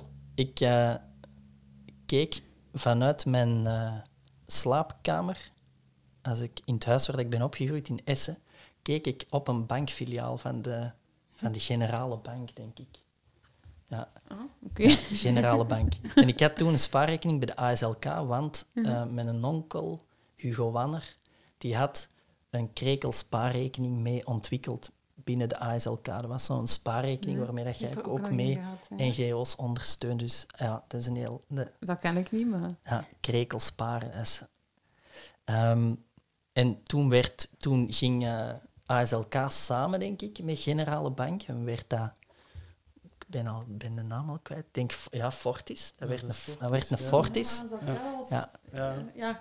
dat was Dus ineens kon ik dan daar kon ik daar terecht eigenlijk. Dat was mijn bank. En dan werd dat overgekocht in de crisis door... Of dat werd dat... oh, oh, die financiële Hmm. beerput werd dan opgelost in BNP Paribas Fortis. Ja. En dan ineens was ook zo heel de, de, de filosofie van ASLK, die, is, die ASLK is ooit opgericht omdat de politiek er toch wel graten in zag dat de gemiddelde Belg ook zelf zijn huis zou bezitten. Het logo van de ASLK was ook een huisje, zo een, Juist. hè, een- het hondenkotje noemden ze dat. Ja, ja, ja. En ehm, ja, daar keek eigenlijk voordat de ASLK dat deed, keek daar eigenlijk geen enkele bank echt naar om. Dat was, zo, ja, dat was niet zo verworven dat elke Belg zomaar zijn, zijn huis kon bezitten. En eh, die ASLK, dat is ook nog eigenlijk een grappig verhaal, op het moment dat die eh, overgenomen moest worden, of dat dat Fortis werd, dat is op een gegeven moment verkocht geweest, de ASLK. Maar dat was eigenlijk geen rechtspersoon, die was gewoon bij koninklijk besluit boef opgericht. Dat was er bestonden eigenlijk geen aandelen ook niet van. dat was de, dat, die was er gewoon of zo. Dus om die dan te kunnen inkantelen in het banksysteem van vandaag, hebben ze daar eerst een NV van moeten maken. Dat is onder Verhofstadt allemaal gebeurd, denk ik, of net Ja. voor Verhofstadt toen. Ehm, en dus op het moment dat dat BNP Paribas Fortis geworden is, voelde ik ook al lang dat dat niet meer, ja, dat die waarde waar de ASLK ooit mee begonnen was, ja, dat dat al niet meer aanwezig was in BNP Paribas Fortis. Dus ehm, heb ik, denk ik, een spaarrekening gezocht bij Triodos. Die hadden toen spaarrekeningen in, in eh, België. ja. Ehm, en als ik zelfstandige werd in 2010, als ik ben afgestudeerd, dan kon ik daar ook een zichtrekening openen. Want die hebben wel een zichtrekening voor professionelen. Dus ik had dan een eenmanszaak en dan kon ik daar eigenlijk wel terecht. Ehm, en dan als ik moest gaan lenen, denk ik, voor mijn huis, dan vond ik het eigenlijk heel moeilijk. Ja. Want dan heb ik eerst bij ING geleend. Dus, heb ik, eh, dus naast steenkool heb die ook in mijn bakstenen toch Ja. investeren. Ja. En dan als ik, ehm, als de, dan, dan heb ik op een gegeven moment mijn lening kunnen herzien. En dan heb ik wel zo eens gezocht naar, oké, waar ga ik dat nu doen? En dan ben ik bij VDK terechtgekomen. Dat is eigenlijk van oorsprong een Gentse bank, Ja, denk de ik. Buffalo's, Of- hè, ja. ja, Ja. Ehm, of toen, toen de, de voorloper van Dexia nog, toen dat, dat Dexia werd, ik denk dat dat BAC is, of nu moet ik al eens Ja, goed nadenken. Pak Zo, op. ja. Bakop, ja. Dus toen Bakop Dexia werd, dan een deel van die kern wilde niet eh, naar de beurs. En dan hebben die gezegd, oké, wij gaan alleen voort. En wij zijn VDK en wij opereren alleen in het Gentse en dan Dexia alleen buiten het Gentse. En dan op den duur is dat opgeheven. Dus omdat Dexia dan wel in Gent ook terecht kwam, heeft VDK gezegd, oké, nu gaan wij ook naar Antwerpen, naar Oostende en naar andere Ja. steden. En dan heb ik mijn lening bij VDK eh, afgesloten. En dat, toen heb ik daar eigenlijk wel de, de bankwijzer ook voor gebruikt, want die scoorde toen eigenlijk ook als een van de beste in die bankwijzer. Oké. Ja, want VTK, dat, dat, dat, dat kan, dat bestaat nu wel nog. Hè? Ja, ja, Ja, dat ja, bestaat nog. Ja, ja. Ja. Ja. en dan uiteindelijk, ehm, als ik hoorde in 2013, denk ik, van de publieke kapitaalsoproep van, eh van Newbie, waarbij dat ze eigenlijk zeiden, oké, wij willen graag dat al onze klanten, al onze spaarders toch op zijn minst hun zeg doen, ook over de investeringspolitiek van hè, wat doen we met uw geld? Ja, dat was eigenlijk echt iets waar dat ik naar zocht. Dus dan ben ik er toen coöperant geworden en dat eigenlijk wel van nabij blijven volgen. Ja. Ja. Ja. want dat is al van 2013. Dus dat is nog voordat eigenlijk eh, er sprake was echt in de ge- gewone media over Newbie. Want het is pas... Ah, ja, ja. ehm, Toen Newbie nog een projectje was. Ja, Ja, ja, wel, dat is heel vrij vroeg. Eh, maar dan zijn we eigenlijk bij Newbie aangekomen. Dus ehm, ja, wat voor bank is Newbie? Ik ga het eens aan velen vragen. Wat voor bank is Newbie en ja, waarom vonden jullie het nodig dat die werd opgericht? Ik denk dat we dat al een beetje hebben gehoord aan het verhaal van Arne. Maar vertel eens waar, ju- waar jullie echt voor staan. Oké, om het in één zin te zeggen, denk ik dat ik kan zeggen dat Newbie een eh, ethische, coöperatieve online bank is. Ik denk dat dat ons het meest typeert. Ehm, wat is coöperatief? Dat heeft Arne uitgelegd. Dus ehm, toen het nog een project was, kon iedereen een aandeel kopen, eigenlijk om ons te steunen, om, het project te steunen. Ehm, dat kon vanaf 2013. Het project is blijven opbouwen. We hebben een eh, prepaid kaart aangeboden. We zijn beginnen verzekeringen aanbieden. Dat kan als je nog geen bank bent. Maar dan uiteindelijk om bank te worden, moesten we eh, 35 miljoen euro bijverzamelen. Dus aandelen laten kopen door, door bestaande en nieuwe coöperanten. Ja. Dat is eind 2019 en dat is ook gelukt. Ja. Ehm, en doordat we dat hadden en ons dossier natuurlijk ook fantastisch opgesteld was, hebben we dan een banklicentie gekregen. en eh, toen was het eventjes niet meer mogelijk was om coöperant te worden, maar sinds onze nieuwe website, sinds een maand, kan je terug coöperant worden en in dezelfde beweging ook direct een rekening openen, want dat was toch uiteindelijk allemaal de bedoeling. Eh, wat kan nu een coöperant doen? Ten eerste, ze hebben ons enorm geholpen door het aankopen van één of meerdere aandelen. En voor individuen gaat dat over een aandeel van 20 euro of twee aandelen van 20 euro. Het is een, toch een toegankelijk bedrag. Ehm, wat krijg je daarvoor terug? Inspraak. Dus de algemene vergadering Ja. waar we het over hadden voor het begon. Ja. Eh, daar kan dus iedereen komen luisteren en stemmen. Ehm, die gaat door op 12 juni. En dat wil zeggen dat we op 12 mei, een maand daarvoor, al de uitnodigingen verzonden hebben. Dus alle documenten zitten daarin. Iedereen heeft een maand tijd om het te lezen. Sommige dingen, zoals eh, de jaarrekening en zo, zijn misschien wat moeilijk te verteren voor mensen die niet gewoon zijn om daar naar te kijken. Maar daarvoor kan je vragen stellen Mm. nog de hele maand in de aanloop naar de AV. Ehm, en dan stemmen. Ja. Zijn jullie akkoord met deze en deze beslissing van Newbie? Zijn jullie niet akkoord? En we passen ons daaraan aan. Mhm. Ehm, de afdeling waar ik werk heet Coöperatief Leven. En we houden dus de vinger aan de pols bij de coöperanten juist. En dus buiten die algemene vergadering die één à twee keer per jaar doorgaat, zijn we ook de hele tijd bezig om enquêtes te organiseren bij coöperanten van we gaan dit soort product lanceren, hoe zien jullie dat? Of willen jullie dat product wel of niet? Bij de organisaties die lid zijn, want er zijn ook veel ehm, NGO's en WZW's en grote organisaties met een maatschappelijk doel die lid zijn bij ons. Daar zijn we ook al gaan luisteren van kijk, jullie hebben echt een zicht op het middenveld in de maatschappij. Wat denken jullie dat belangrijk is voor een opstartende bank? Dus dat is dat coöperatieve aspect. Het ethische, ja, daar moet ik geen tekeningsje bij maken, denk ik. De, de bank, de meeste banken zijn jammer genoeg niet ethisch, dus wij proberen daar echt ons naast te zetten als wij zijn het ethische alternatief bij ons kloppende dingen. We zijn een bank die doet wat een bank moet doen. Namelijk, mensen zetten hun geld veilig bij ons op rekening. En met dat geld gaan wij leningen uitschrijven voor projecten in de regele economie. Geen, geen luchtbellen, geen vervuilende projecten, maar dingen waar mensen en de planeet beter gaan worden. En dan online is, eh, dat is het derde kenmerk, is hoofdzakelijk ehm, omwille van zero waste. Ja. Ehm, en ook om kosten te besparen. We zijn daar ook heel eerlijk in. Overal filialen openen. Het zou heel inclusief zijn en zo zouden we heel veel mensen gemakkelijker bereiken. Maar dat is gewoon... Het, het businessplan draagt dat niet. Ehm, dus daar zoeken we andere oplossingen voor om wel naar de mensen te komen. Fysiek eh, of op een andere manier. En ja, dat vat Newbie samen. En ik denk dat ook die drie woorden ons net onderscheiden van de rest van de banken. Ja, dus jullie gaan nooit een kantoortje hebben ergens, maar het gaat altijd... We dromen van pop-up kantoren. Ja, ja, ja. Zo Ja, bijvoorbeeld, eh, we zijn een week in Melle. Ja. En dan kan iedereen die vragen heeft of die een rekening wil openen en dan niet ziet zitten om dat online te doen, dat Ja. bij ons komen doen. En dan daarna zijn we een week in hoei.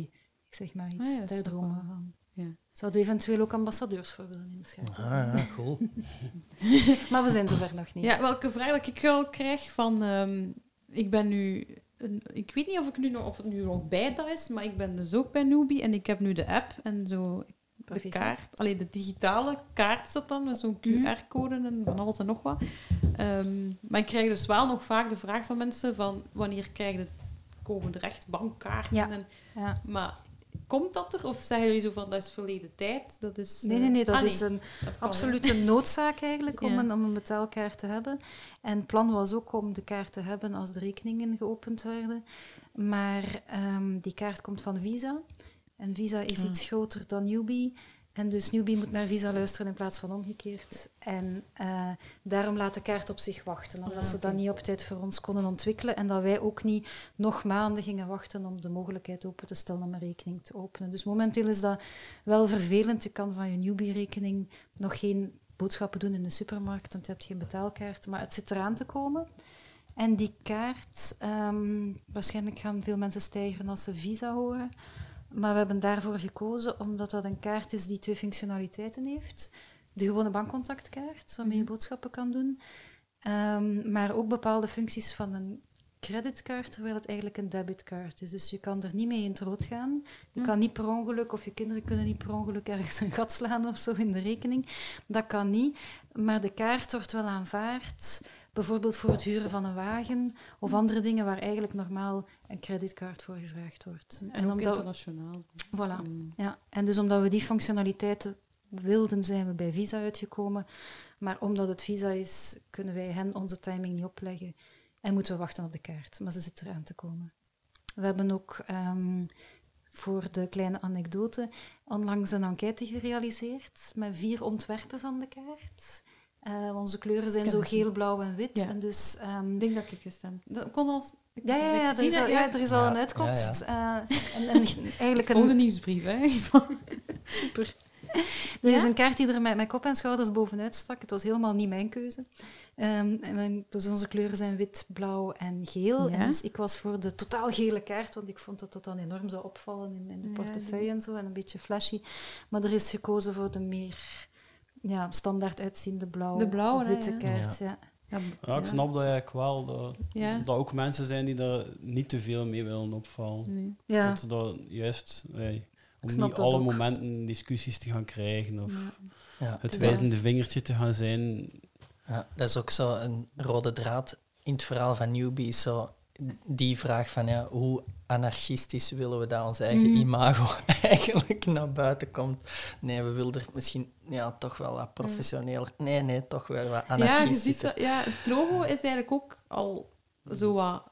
Hoe Ja. zeg je dat? Ja, een beetje anarchistisch is Ja, misschien de hamburger wordt hij genoemd hè, op kantoor. Of is de, Die wie, drie is de, streepjes. ja, wie is er nu weer mee Dan begonnen? toch minstens een vegan Ik hamburger. dacht, Ja, ik een dacht vegan juist wel-. Ja, ik dacht even aan Spotify, dat is ook wel gezegd geweest. Ja, ja, ja, ja, ja. ja, Ehm, dat is waar. Ja, ik heb bewust eh, nog, nog niets gedaan van die, om, om een beetje er, er blank in te gaan en zo. Eh, dus dus wat, dat je, wat dat je nu hebt, is je, je sluit je aan en je hebt een zicht en een spaarrekening, vermoed Mhm. ik. Maar je kunt er internetbankieren mee doen, dus Mhm. overschrijvingen en zo. Ja. Dat, dat kun je gewoon Ja. al direct. Die, dat, is- dat zijn dan de Alles wat dat online ba- banking is en Alles zo, dat je kent van een andere Je bank kunt kan. aansluiten aan dingen gelijk Payconic en zo. Nee. Nee. Dat gaat niet. Nee. Nee. Heb ik ook al geprobeerd. Dat was Dat- het eerste. als, je de, als bankkaart er is, dan kun je dat. Hè? Ah, je hebt er Ja. een kaart voor nodig. Ja, ja. Payconic. Ja, want Payconic vraagt uw kaartnummer. Ja. En dan- daar- Het is Ja. op dit moment wel een, een... Ik weet niet wat dat is met de mensen die nu instappen. Houden die ook nog wel de andere rekening en zijn die zo in stukjes aan het overstappen? Of? Nou ja, ik persoonlijk, eh, ik heb een rekening geopend en ja, daar komt wat geld op en daar gaat wat geld uit met, eh, hoe heet dat, domicilieringen en permanente opdrachten en zo.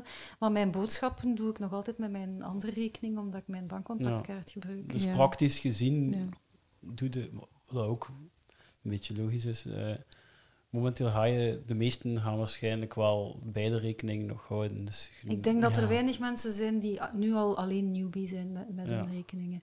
Maar er dat zijn zou mensen... ik ook niet doen eigenlijk. Je, je gaat inderdaad voor sommige betaalsituaties momenteel nog in de problemen komen voordat de kaart er is. Ja. Ja. Ja, en ook mensen die een hypothecaire lening hebben lopen bij een bank Mhm. zijn verplicht om hun loon daar te storten. Die kunnen daar ook niet weg totdat dat afbetaald is. Ja, dat vraag ik me. Ah, dat dat is ook zit, dat zit ik interessant. ook allemaal Ah, ja, hij doet dat niet nu.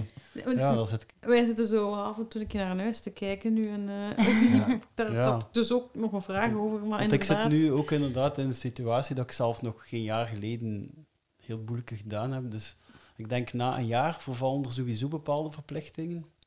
Eh, dat weten ook veel mensen niet. Want er wordt zo gelijk een beetje gecommuniceerd dat het voor altijd aan die bank vasthangt. Maar ehm, ik weet bijvoorbeeld de brandverzekering. Dan moest ik Ja, verplicht een verzekeringen jaar. sowieso kunnen altijd direct overgezet worden. Dat Ja. is Ja. bij wet geregeld. Vaak wordt er gevraagd van uw loon te gestort Ja. te krijgen, ook bij diezelfde bank, maar er is niks dat u verbiedt om de dag daarop uw loon door te storten Ah ja, een andere ah, ja rekening. zo doe je Ah, ja, ook met domicilie. Ja. Ja. Ja, kan. maar je moet die rekening wel houden bij die andere Ja. bank. Ja. Een vaste opdracht weer. Best niet dat dat mijn domiciliering kunt Nee, doen, dat is vaste wel? opdracht. inderdaad. Ja, nee, maar ik, in mijn hoofd is Nou, het moet een beetje technisch, een ja. beetje technisch Ja. worden. Hè. Maar het is een vaste opdracht. Ja.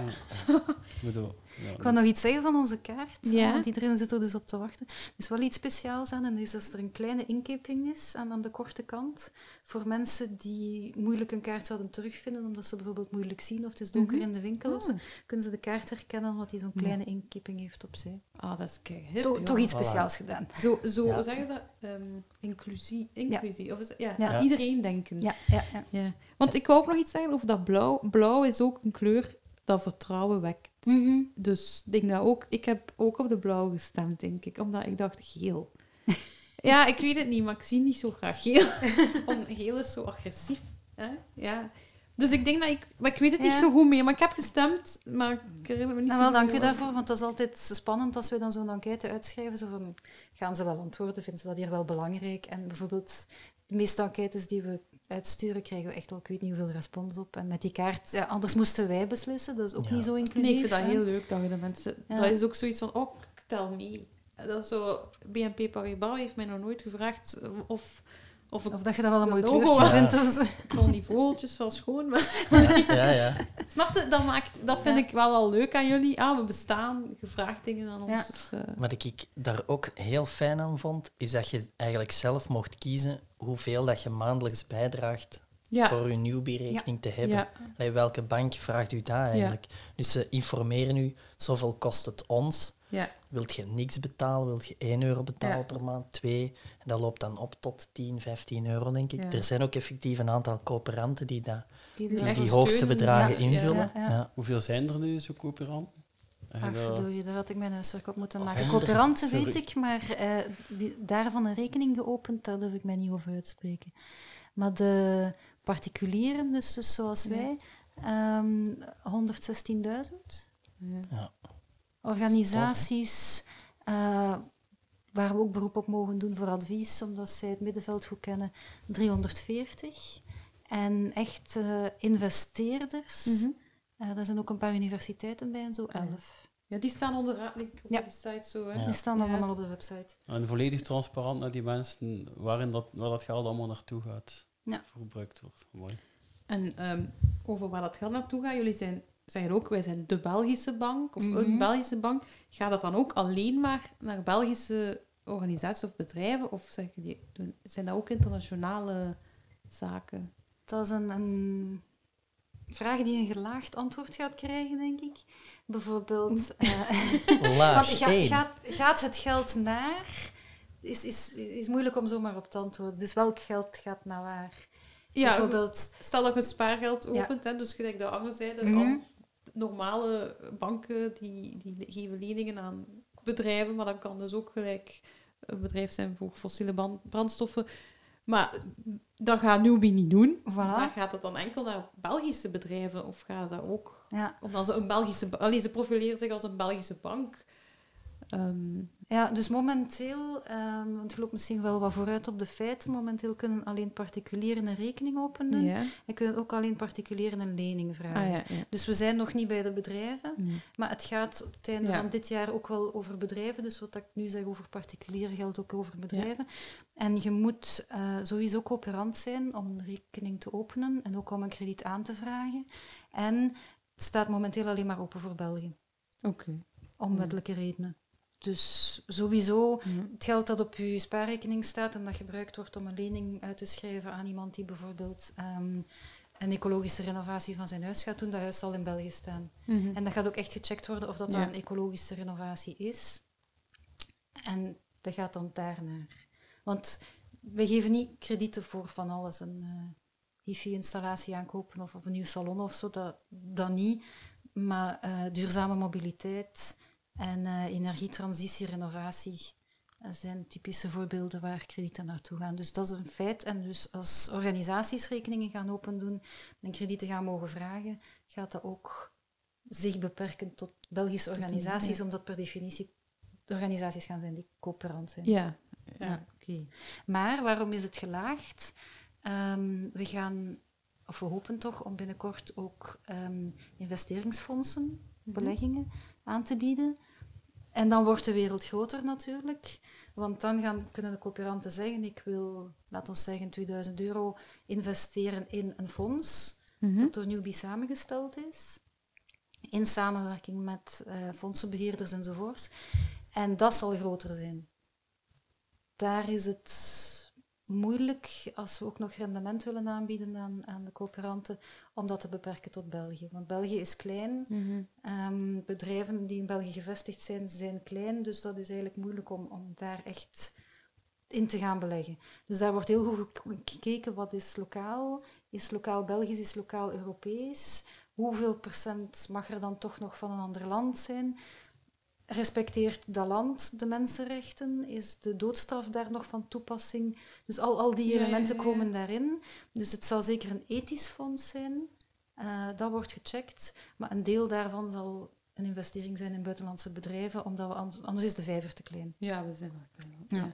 Maar ook daar aan coöperanten dan dingen over... Allee, enquêtes krijgen of dingen Is al over... gebeurd? Dan Ah. heb je toch niet zo goed opgelet? Blijkbaar niet. Een paar maanden geleden, ik denk februari, is er een enquête geweest over eh, willen mensen beleggen en niet. Ehm, willen ze niet beleggen, waarom niet? Hè? Geen vertrouwen in newbie, geen centjes, andere projecten enzovoorts.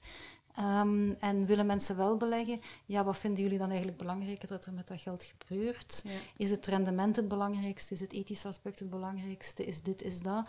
Van de ethische aspecten, bijvoorbeeld ehm, SDG's, de millenniumdoelstellingen, voorgelegd. En dan de mensen laten kiezen van als je er drie van moet kiezen, waar dat je beleggingen eigenlijk aan gaan helpen, welke doelstelling heeft dan uw voorkeur? Dus daar is dan ook zo'n top, zijn er 17 zeker, doelstellingen, top 3 van gemaakt. Ehm, dus dat is gebeurd voor de particulieren. En dan hebben we ook een aantal van die, ik noem ze altijd organisaties uit het middenveld, bevraagd meer één op één. Van jullie zijn bezig ehm, met, jullie weten veel over eh, oorlog en wapens. Welke zijn de bedrijven waarvan het niet zo zichtbaar is dat ze daarin investeren? Dus kunnen we die schrappen? Jullie zijn bezig met zachte mobiliteit. Wat is jullie standpunt juist over hybride wagens, elektrische wagens enzovoorts? En zo hebben we dus met organisaties één op één afgestemd van wat is eigenlijk ethisch en niet. Er zijn dingen die, die heel evident zijn, maar er zijn ook dingen waar die organisaties alleen maar studies over beschikbaar hebben. Ja. Dus dat hebben we wel gedaan. Oké, ja, maar... Maar dus in de... allee, nu kan het nog niet, maar binnenkort gaat het wel met die fondsen. Ja, we lanceren zo de producten ja, één na de andere. En ehm, er gebeurt, als we ergens een datum op plakken, gebeurt er altijd iets dat we die niet kunnen respecteren. Dus ik ga dat niet Dus doen. je doet geen Maar binnenkort zijn er nieuwe beleggingsfondsen. Ja, maar ik denk, ja, jullie zullen dat wel allemaal goed communiceren. Ik zal wel alles goed moeten lezen dan. Maar dus like, op dit moment kunnen we nog niet pensioensparen doen. Nee. Maar like, daarnet had het ook gezegd, hè, hoeveel, hoeveel dat, dat betekent als je je pensioensparen naar een duurzame bank zou veranderen. En voor mij is dat ook een van de zaken dat, ik, dat mij irriteert dat, dat dat niet zo evident is. En ehm, ja, als je je pensioensparen wil verzetten, ik vraag misschien aan jullie allebei, eh, van- naar een andere bank, hoe gaat het dan te werk? Of, of, of Want voor Bert Gabriels was het ook niet zo gemakkelijk. Ja, ik... Het is heel stom waarschijnlijk, maar ik, ik doe er nog niet aan. Blijkbaar is dat normaal aan millennials, zeggen ze. Maar Ja, ik wel. ik, eh, En ja, totdat ik ergens proper terecht kan, denk ik. Ja, en bij. VDK heb ik wel getwijfeld van, oh, dat zou ik nu toch niet.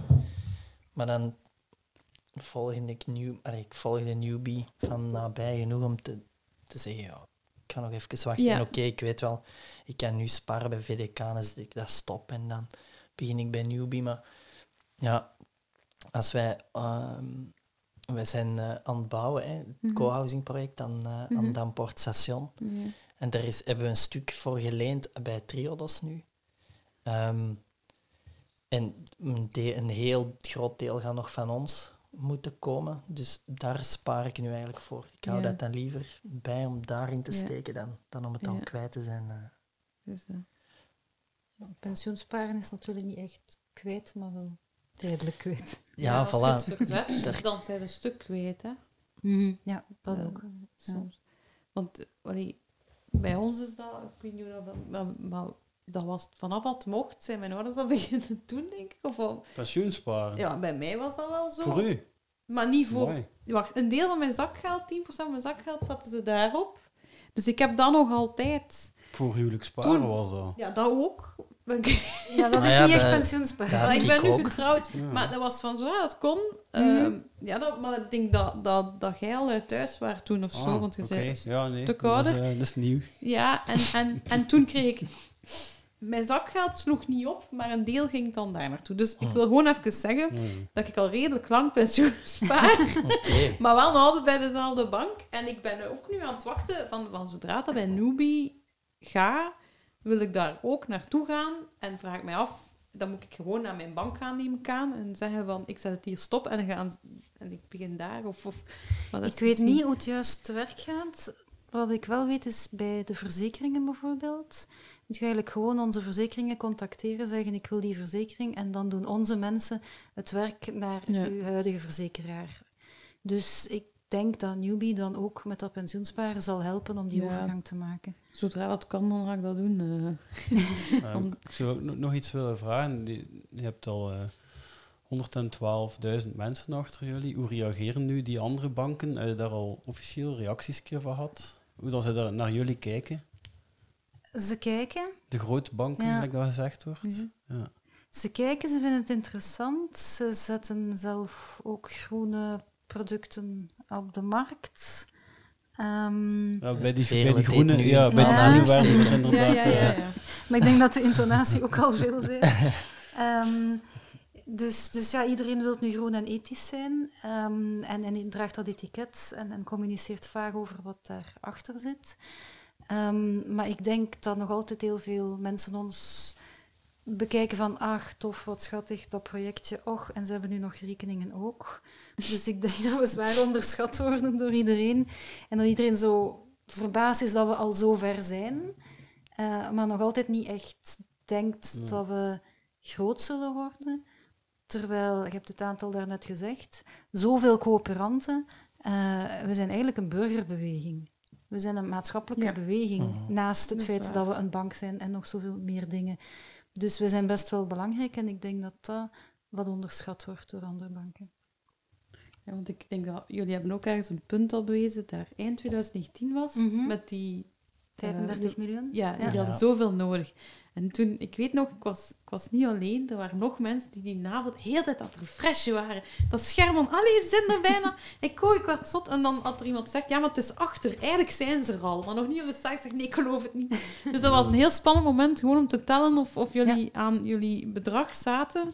En ik vond dat ook ongelooflijk dat er zelf mensen dat ik nooit verwacht had, dan, die dat gingen doen. Die Mhm. daar ook op hadden geïnvesteerd. En ik vond dat mooi, want dat bewees van...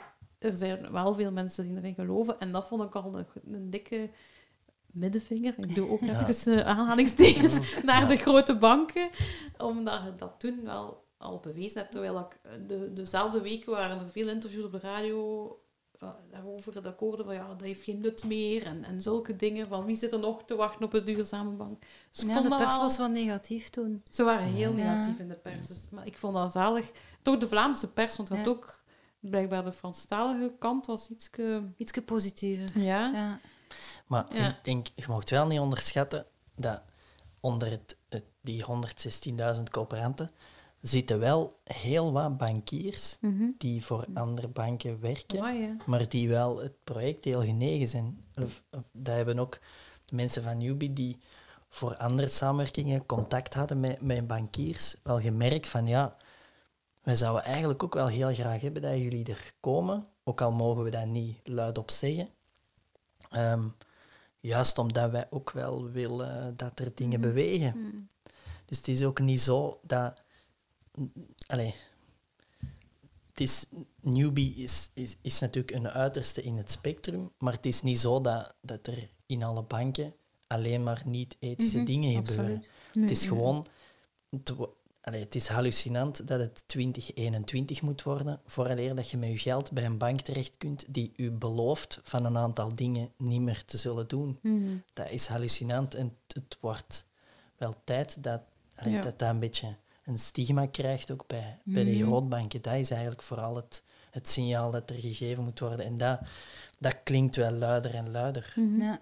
ja, en dat klopt volledig, want we zijn nu ook aan, aan het aanwerven. De bank wordt altijd maar groter, we hebben altijd maar extra functies. En veel mensen die daarop solliciteren komen uit de traditionele banken. En ik heb hen al vaak horen zeggen van wauw, het is zo verfrissend dat bij Newbie de aandeelhouders ook de klanten zijn. Mhm. Want traditionele banken zijn verplicht, iemand heeft het letterlijk gezegd, om hun klanten uit te persen als citroenen om geld te hebben voor de aandeelhouders. Ja. Ehm, en die persoon voelde zich daar heel erg bij op zijn ongemak. Maar bon, die was daar door het leven ingesukkeld. En, en ja, iedereen moet werken eh, om de facturen te betalen. Ehm, en die zei van ja, ik ben daar niet comfortabel mee en veel mensen niet. Maar het, het, het systeem, de grote bank, werkt nu gewoon zo. Dus ik ben heel blij dat ik daar vanaf ben en dat bij Newbie dat dat eigenlijk dezelfde mensen zijn. De klanten en de aandeelhouders. Ja.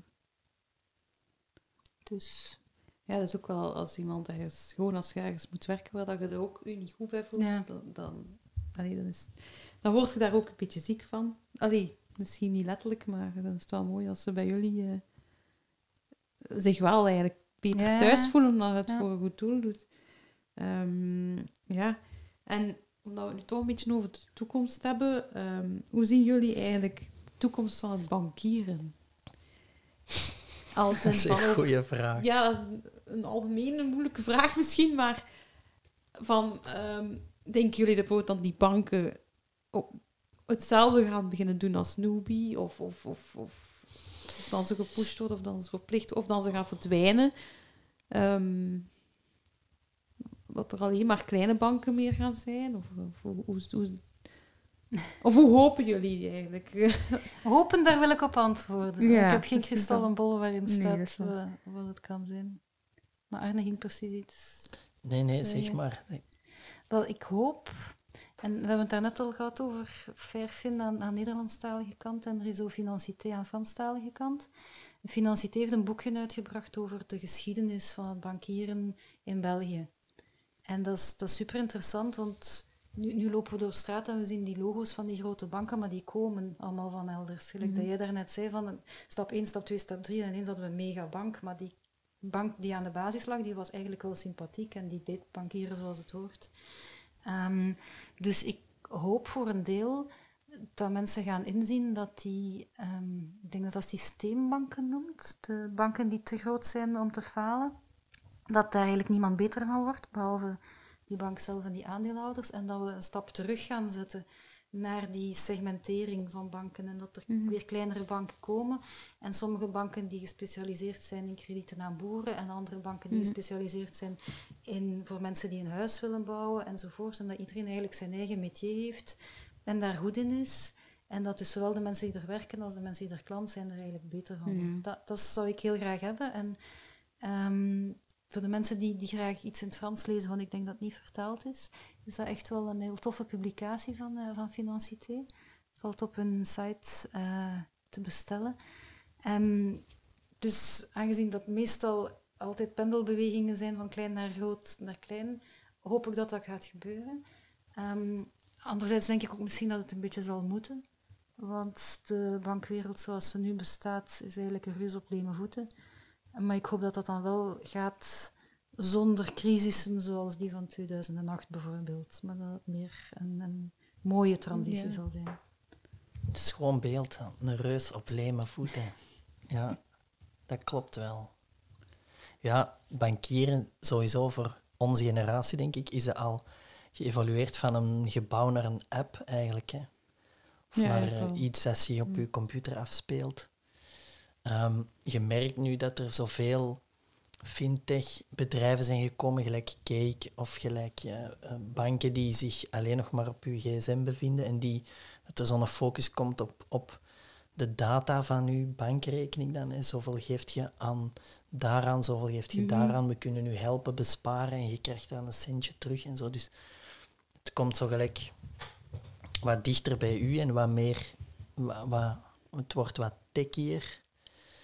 Ehm, maar ja, ik, ik sluit me wel aan bij wat Veerle zegt. Ik hoop vooral dat er ehm, die instabiliteit die nu eigenlijk ingebouwd zit in die bankenwereld, dat die, ehm, als die soufflé nederdaalt, Ja. dat dat zo zacht zal zijn als dat die soufflé eh, kan neerdalen. Snap je wat ik bedoel? Niet zo goed, dat laat. Niet Ja, zo dat, dat, dat, dat niet met een crash en zo gaat. Ah, ja, dat gewoon, dat, dat, er Dat het zachtjes ineens Ja. zakt in plaats van tot. Ja, ja, Ja. ja. dat op een of andere manier, Ik op een gezonde is manier, die grootbanken kleiner worden. Wat zeg ik het Ja, dat op een of andere manier die banken klein worden, zij opsplitsen, in plaats van maar dat gebeurt niet. Ze, ze komen alleen maar samen, Ja. ze worden Ja. groter Ja. en, ze- en de staat kruipt daar overal tussen. Ja. En, Dat is waar. ja, het, zou, het zou de omgekeerde... Het zou keer moeten zijn. Ja. Ik heb ook ehm, over de toekomst een boek gelezen van, eh, jullie kennen het misschien, Steven, Steven Vrooman, over Mhm. Amor Ja. Mundi. En die ging, dat ging ook over, even over geld. Allee, even, het ging er eigenlijk redelijk veel over. Namelijk het geld, het digitaal geld in dat boek in de toekomst verdween. Dus alleen maar het geld dat tastbaar was. Want eh, Nubi is nu bezig met alles moet digitaal. Maar ik vond dat wel grappig, want in dat boek was dat niks meer waard, het digitaal geld. En al het, allee, de briefjes en de munten, die hebben ze dan laten stijgen in waarde, waardoor dat er wel weer geld was. Waardoor dat eigenlijk de mensen die nog cash hadden, namelijk de niet zo rijke mensen, hadden weer geld. En de rijken die moesten in tentjes overleven in het Zuidpark van Gent. Allee, da- daarover gaat het boek. Ja, Eh, ik wil dat lezen, dat boek. Heb je het ook gelezen? Nee, ik wil het lezen Ja, als ik het, het leest super snel uit. Je blijft lezen. Je vindt het grappig. Er komen ook mensen in die ik echt ken. Dat is het leuke eraan. Als Ja. Zeker als je wat connecties hebt in Gent, ga je er veel kennen. Nubi komt er ook in. Ehm, overleeft ook heel de crisis. Gelukkig, ja. Maar ik vroeg mij ook af van, ja, is de toekomst dan digitaal? Of is, er toch, is het toch nog altijd veilig om cash te houden? Want ja, het is natuurlijk een fictieboek. Hè. Het gaat niet echt, echt gebeuren. In, in, in het boek waren het een aantal nerds die eh, dat hadden gedaan. Om, de, om weer te- de wereld eerlijker te verdelen, eigenlijk. Maar, ehm, Ik denk dat ik ga weer een gelaagd antwoord geven. Ja. Dus dat mag. Blijkbaar mijn specialiteit. Ehm, er gaat altijd fysiek geld moeten blijven bestaan, want er zullen altijd mensen zijn die om welke reden dan ook niet meedoen aan mhm. rekeningen en, en overschrijvingen en, en digitaal geld en zo. Ehm, dus dat is één. Bijvoorbeeld, ik heb mij laten wijsmaken dat in Zweden bedelaars een kaart gekregen hebben, zodoende dat je dus aan digitaal geld kunt geven aan een bedelaar. Want bijvoorbeeld, dat is nu Ah ja, typisch dat is een voorbeeld. probleem nu, hè. Ja. Ja. Je kunt niet meer. En ik woon in Brussel in de buurt van het Maximiliaanpark. Daar zijn heel veel mensen zonder papieren, bij gevolg ook zonder bankrekening, zonder kaart. Als die bedelen of ergens in het zwart werken, ik keur dat niet goed, maar bon, dat is een feit. Ehm, die hebben fysiek geld en die leven daarmee. Die hebben Mhm. geen toegang tot de, tot de bank. Dus dat zal altijd moeten blijven bestaan. Sommige mensen zeggen ook van pas op voor ehm, cyberaanvallen Mhm. en ehm, oorlogen waarbij landen ehm, platgelegd worden van, van energie. Mhm. Want het draait op energie. Als uw wifi niet werkt en uw computer start niet op, dan kun je niet aan uw geld. kunnen niet geld. Ja. Ehm, Ja, als je zo op één dag eh, al een elektriek voor heel de wereld uitlegt. Een Dat minuut, gebeurt ook in Ja, Amel ja. Hè? dat gebeurt Ja, daar ook in. Dan Hè? is Voilà. alles weg. Dan is toch alles weg, ja. En wel, ja. ja, maar dat, dat kan wel terugkomen. Hè? Als het uitzet, kunnen het dan weer... springt het terug aan, maar er zijn Ja. al heel veel Ja. dingen niet gebeurd. En die Ja. hele belangrijke transactie die misschien moest gebeuren en die iemand, ik weet niet hoeveel, ging opbrengen of doen verliezen, is dat... De wereld is anders, denk ik, als elektriek een dag sorry, heeft Ja. Maar dat is, vind ik, dat spreekt ook tot de verbeelding Mhm. dat wij, het internet bestaat nu 25 jaar of zo. En wij doen allemaal alsof dat, dat een onaantastbaar, Ja, of- alomtegenwoordig of ding is. Dat kan ja. niet Mhm. kapot, nooit niet. Ja, dat, dat, vind ik, dat, is al, dat maakt het boek Amor Mundi ook heel interessant. Het feit dat hij die propositie eigenlijk Mhm. onderuit haalt. Ja. Dat, dat is, hij heeft het, ik heb een keer met hem samengezeten voordat hij hem, eh, het publiceerde. En dan zei hem... eh, ja, hij benoemde het genre cli-fi. Dus gelijk sci-fi, hè? ja. maar dan cli-fi, ja. waarbij eigenlijk het klimaat een centrale Ja. rol speelt. Ja. ja, het is een interessant what-if boek. Ja. Maar Mhm. Ik denk altijd, het is fictie. Hè? Veel, het is fictie. Want er, soms, er gebeuren ook dingen in die ik zeg van, oei nee, dat wil ik liever niet dat gebeurt. Ook al is het voor het klimaat, dat ik zeg van, dat vind ik... Ja, Allee, daar heb ik het alweer ook moeilijk mee, dat je zo ver gaat. Maar het is wel interessant om, om, om het... Om de denkoefening te Er maken. zijn er ja. eigenlijk landen die al dichtbij zijn dat tastbaar geld verdwijnt. En wel, ik dacht dus, maar ik kan mij vergissen, Ja. het is zeker een Scandinavisch land. Ja. Ik dacht dat het Zweden was. Ja, ik dacht Maar dus de bedelaars van de staat ook een kaartje gekregen hebben om dan daarop een, een aalmoes te ontvangen. Dat die ook geen, geen cash meer hebben. ja, en de centrale banken, de ECB, maar ook de Federal Reserve en de Chinese centrale bank, die hebben wel programma's lopen om euro, yuan en dollar digitaal te maken. Maar dan ja, niet zonder fysieke component, maar wel met een soort registratie. Dus waarbij dat ze een deel van, van het blockchain-systeem wel incorporeren in, hun, in een euro en in, in een dollar. Dus dan hebben we eigenlijk ook, eens dat zoiets volledig er is, dan maakt het niet meer uit welke munt je hebt dan ook. Ja, dat maakt nu al niet meer Eigenlijk echt niet, uit. Nee. Ja. Ehm, ja, of dat dan zuiver leeft bij gratie van het internet, ja, dat, daar ben ik niet tech-savvy genoeg voor om Nee, dat echt te kunnen gaan we weten. Ja, eh, voilà. Ja. Ehm, ja, ik, ik had nog één vraag, want de andere vraag hebben we al eh, beantwoord over de bankwijzer. Maar ik had nog een vraag van een luisteraar. Van, Evelien. hoe kan je checken of het verkoopspraatje van de medewerker van de bank wel klopt? Ah, ja, dat is een algemene vraag. Ja. Ik weet dat er zo bij een grootbank, maar ik ga ze niet noemen, dat de medewerker van de bank, als, die vragen nu pas altijd, hè, dat als je die pas insteekt, dat die een kleurcode krijgen op hun scherm.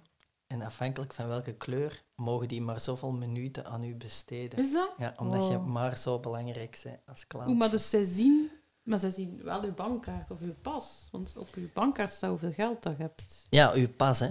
Dus uw bankkaart, nee. Nee, uw, uw ident- Maar identiteitskaart. daarop weten ze toch niet hoeveel geld dat je hebt? Nee, maar die, die, daarmee opent uw iets of klant zo. een dossier en dan kunnen zij Ah. zien welke producten dat je allemaal hebt en daar staat dan een kleurtje Ja, dat gaat niet over kloppen of niet, maar dat gaat wel ik- over beïnvloed worden Ja. en de manier waarop dat ze u behandelen. Ah, Ja. dus dan zien ze, ah, een vrouw Dan zien bij ze, mij en... ja, die, levert, ja, die levert ons zoveel geld op, want die heeft zoveel producten bij ons gekocht. Oké, die gaan we snel buiten jagen. Of, ah nee, nee, geef die man een koffie en doet er maar een koekje bij. En dus- Oei. Ja. Ik ga dat keer op beginnen. Ja, ik ga daar nu ook op beginnen letten. Ja, ja, ja. Ik krijg een keer een koekje bij een koffie of niet. Ja.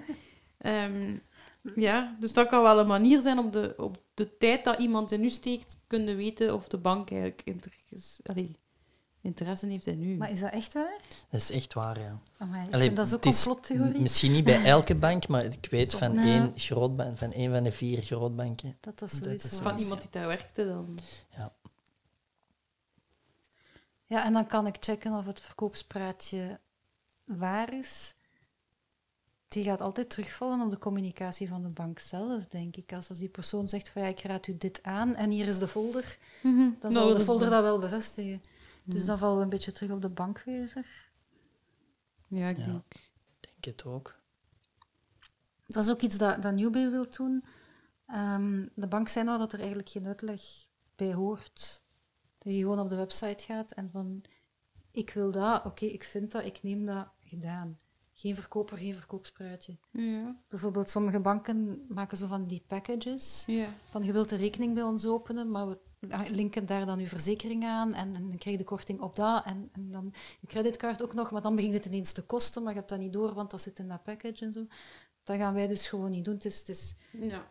een rekening, een zichtrekening, spaarrekening, kaart, alles apart. Ja. En mensen kunnen echt zeggen van ik wil dat wel, ik wil dat niet. En dan verschijnt er op je scherm, dat kost u zoveel of dat brengt u zoveel op.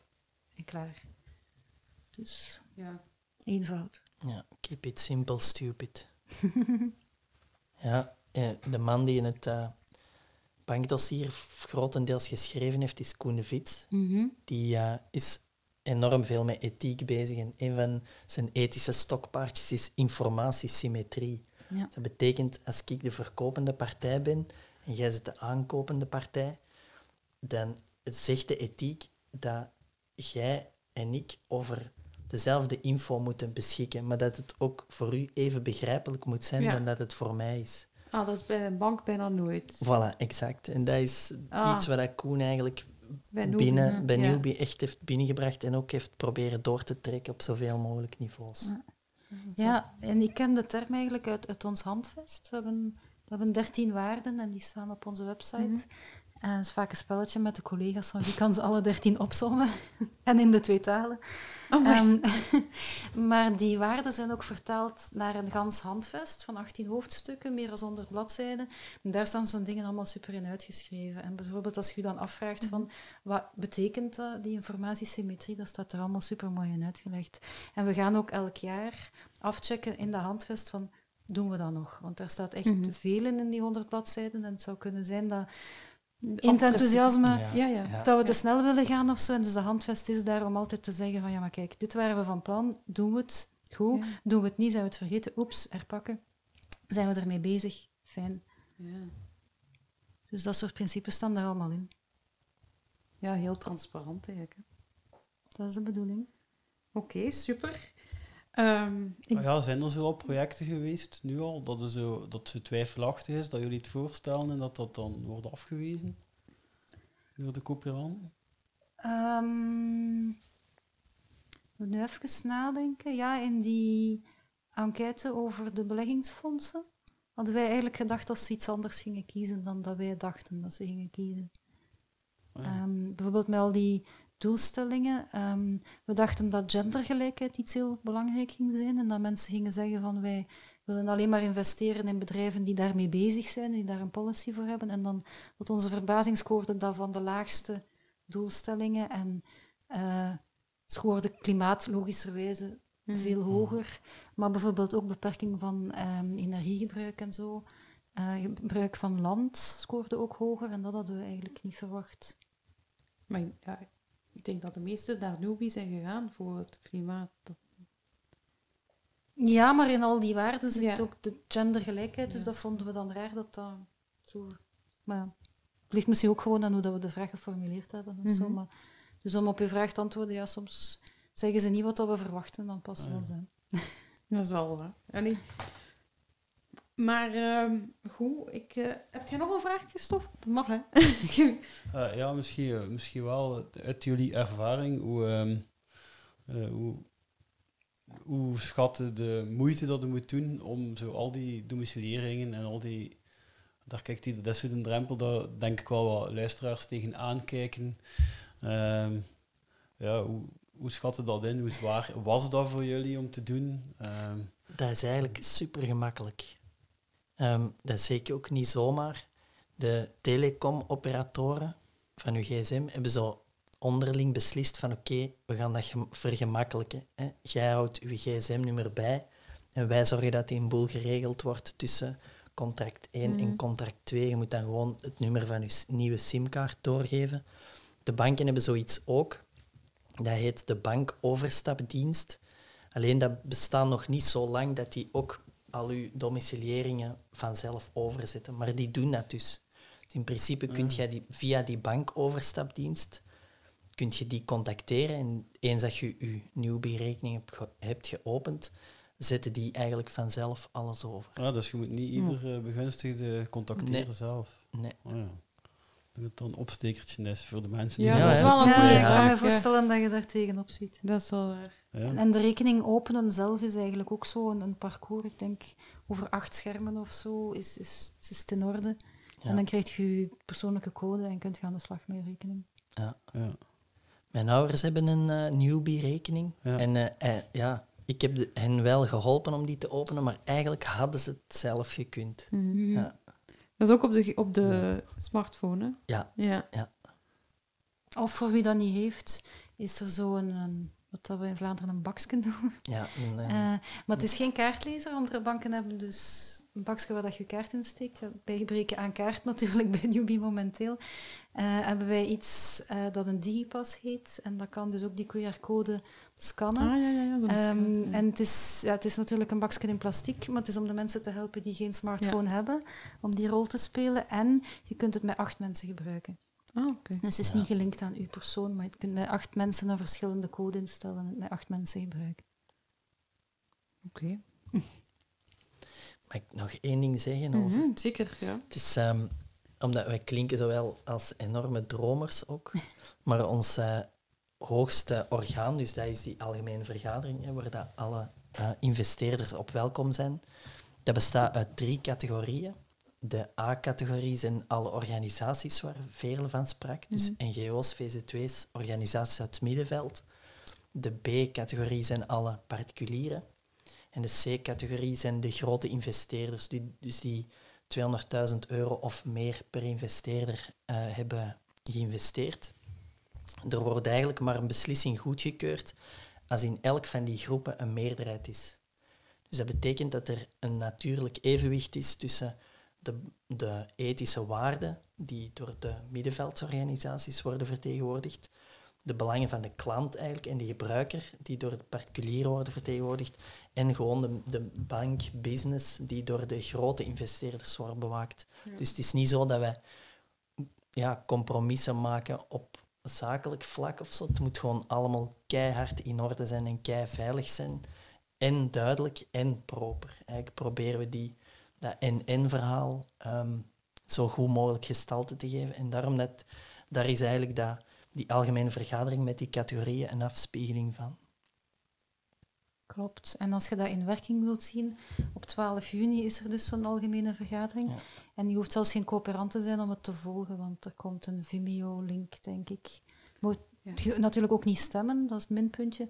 Maar wie eens wilt komen kijken hoe dat, dat juist in zijn werk gaat. Ja, ik ga dat in de show notes zetten. Ja. Ja. De Vimeo-link. Kijk, goed. Ja, want deze Die aflevering... dag zelf kunnen ja, delen. Hè. ja, de dag zelf kan ik hem delen. Ja, maar...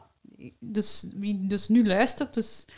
Dan is het nog, denk ik, een week en een half. Ja. En dan komt het in de show notes. Dus nog niet erop gaan kijken. Ehm, ja, maar dat bedoel ik dus. Hm. Eh, ja, dat is- dat is tof. Ehm, goed. Is er nog iets dat jullie nog willen droppen? Dat ik heel fijn vind dat jullie ons uitgenodigd hebben. Ja, Ja, ik ook zelf. Ik, het is ook iets waar ik zelf dus heel weinig van weet. Ik denk dat de luisteraars dat ook wel weten. maar dat is altijd zo, want daarom nodig ik dan mensen uit die er juist meer van weten. Maar ehm, ja, het is vooral iets dat we inderdaad te snel vergeten, te weinig over praten. En daar, daar word ik nog altijd mee op de vingers getikt. Maar het is ook gewoon... De, de huidige banken die we gewoon zijn, informeren ons ook gewoon te weinig. En, Mhm. Of informeren ons gewoon niet. Dus ja, dat komt niet rap bij mensen op. Ah ja, ik heb hier juist geïnvesteerd bij veganist worden of zo. Maar tegelijkertijd doe ik het omgekeerde met, met het grootste aantal geld dat ik heb, namelijk uw spaarrekening. Dus dat is wel ehm, Hm. iets dat ik hoop dat mensen nu wat meer bij stil gaan staan. Ehm, Ja, die banken Ja. kunnen er ook niet altijd aan doen. Allee, ik ben de laatste om ze te verdedigen, maar als er windmolens en zonnepanelen gemaakt moeten worden, ja, die worden industrieel gefabriceerd. Ja. Daar zitten ook ehm, onderdelen, supply chains aan, daar zitten kunststoffen in enzovoort. Zijn, die zijn dan afgeleid ook van de petrochemie en zo. Dus ook die, heel die transitie, Ja. ja, het is niet, kunt niet zomaar een lijn trekken van vanaf hier wordt het Nee. Ja. klimaatbelastend en vanaf hier is Mhm. het proper. Dus die banken, ja, begint maar eens met uw klanten daarover juist te informeren over hoe dat uw investering juist zit. Dat is gewoon, dat is kei moeilijk. Ja. Maar het neemt niet weg dat er ja, een, een best practice kan zijn die Ja. de weg toont. Dat is waar. Mhm. Oké, ehm, ik moet afsluiten met een, ehm, een receptje altijd. eh, op, op vraag van de luisteraar die dat graag horen. Ehm, dus ik heb eh, deze maand mijn ramen gewassen, want het was even toch goed weer. Het pakte een uurken of zo. Eh, dat is echt niet te doen. Nu, ik dacht, ah, dat is een leuke tip voor de mensen thuis. Hoe ga je uw ramen wassen? Dat is eigenlijk met 20 gram maïzena, 100 milliliter natuurazijn en ook 100 milliliter water. Je doet dat in zo'n flesje, allee, een ehm, spuitflesje. Je sprayt dat op je raam en dan veeg je alles af met een doekje die uiteraard herbruikbaar is. En dan heb je ook geen strepen en een mooi glanzend raam. Dus dat wil ik nog even laten weten voor de mensen die even een streepje zon zien om de ramen te kuisen. Ook niet te veel zon, want als de zon te hard schijnt, dan krijg je de hoofdpijn van de weerkaatsing. Van de, allee, dat, dat heb ik toch. Ehm, dus ja, voor de mensen thuis die een ehm, duurzame spray willen voor op de ramen, is dat wel een leuk receptje. En ik zou ook nog iets willen droppen dat ik ehm, ja, nog twee keer de Zero Waste Rollercoaster geef online deze maand. Dat is 27 mei en 29 mei. Het is gratis, dus daar kunt je ook bij zijn. En ik heb er ook een beetje newbie in gestoken voor de gelegenheid. Die komt daar ook nog eens terug. Ehm, voilà. Eh, ik wil Veerle en Arne allebei vrij veel bedanken voor hier te zijn en voor alle duidelijke communicatie. En Christophe ook voor, eh, om hier te mogen zijn, want we zitten hier in zijn atelier. Eh, en ik hoop, ja, voor jullie eh, nog allemaal terug te horen of te zien, allee, beste luisteraars dan, eh, bij de volgende aflevering. En dan gaan we het hebben over nog iets veel, eh, ja, nee, ook iets heel belangrijks. Iets groot ook. hè. Ook iets groot, eh, namelijk Iets de groot en ook iets waar dat Bert Gabriel het al even over Ja. heeft gehad. Het is, eh, ja, het gaat Een namelijk... tip. Ja, Oh ja, of gaat het zeggen? mag ik het zeggen? Ja, Ja. Ja, nu willen we het weten. Hè? eh, het gaat over de klimaatzaak gaan. En, Oh. Francesca van Tiele komt langs om daar meer uitleg te geven. Ik hoop stiekem dat er al vordering is in de uitspraak, maar eh, ik kan niet beloven en zij ook niet of dat dan al geweten is. Dus tot de volgende keer. Ja, Ja. tot de volgende. Merci, Veerle. Yo. Dank.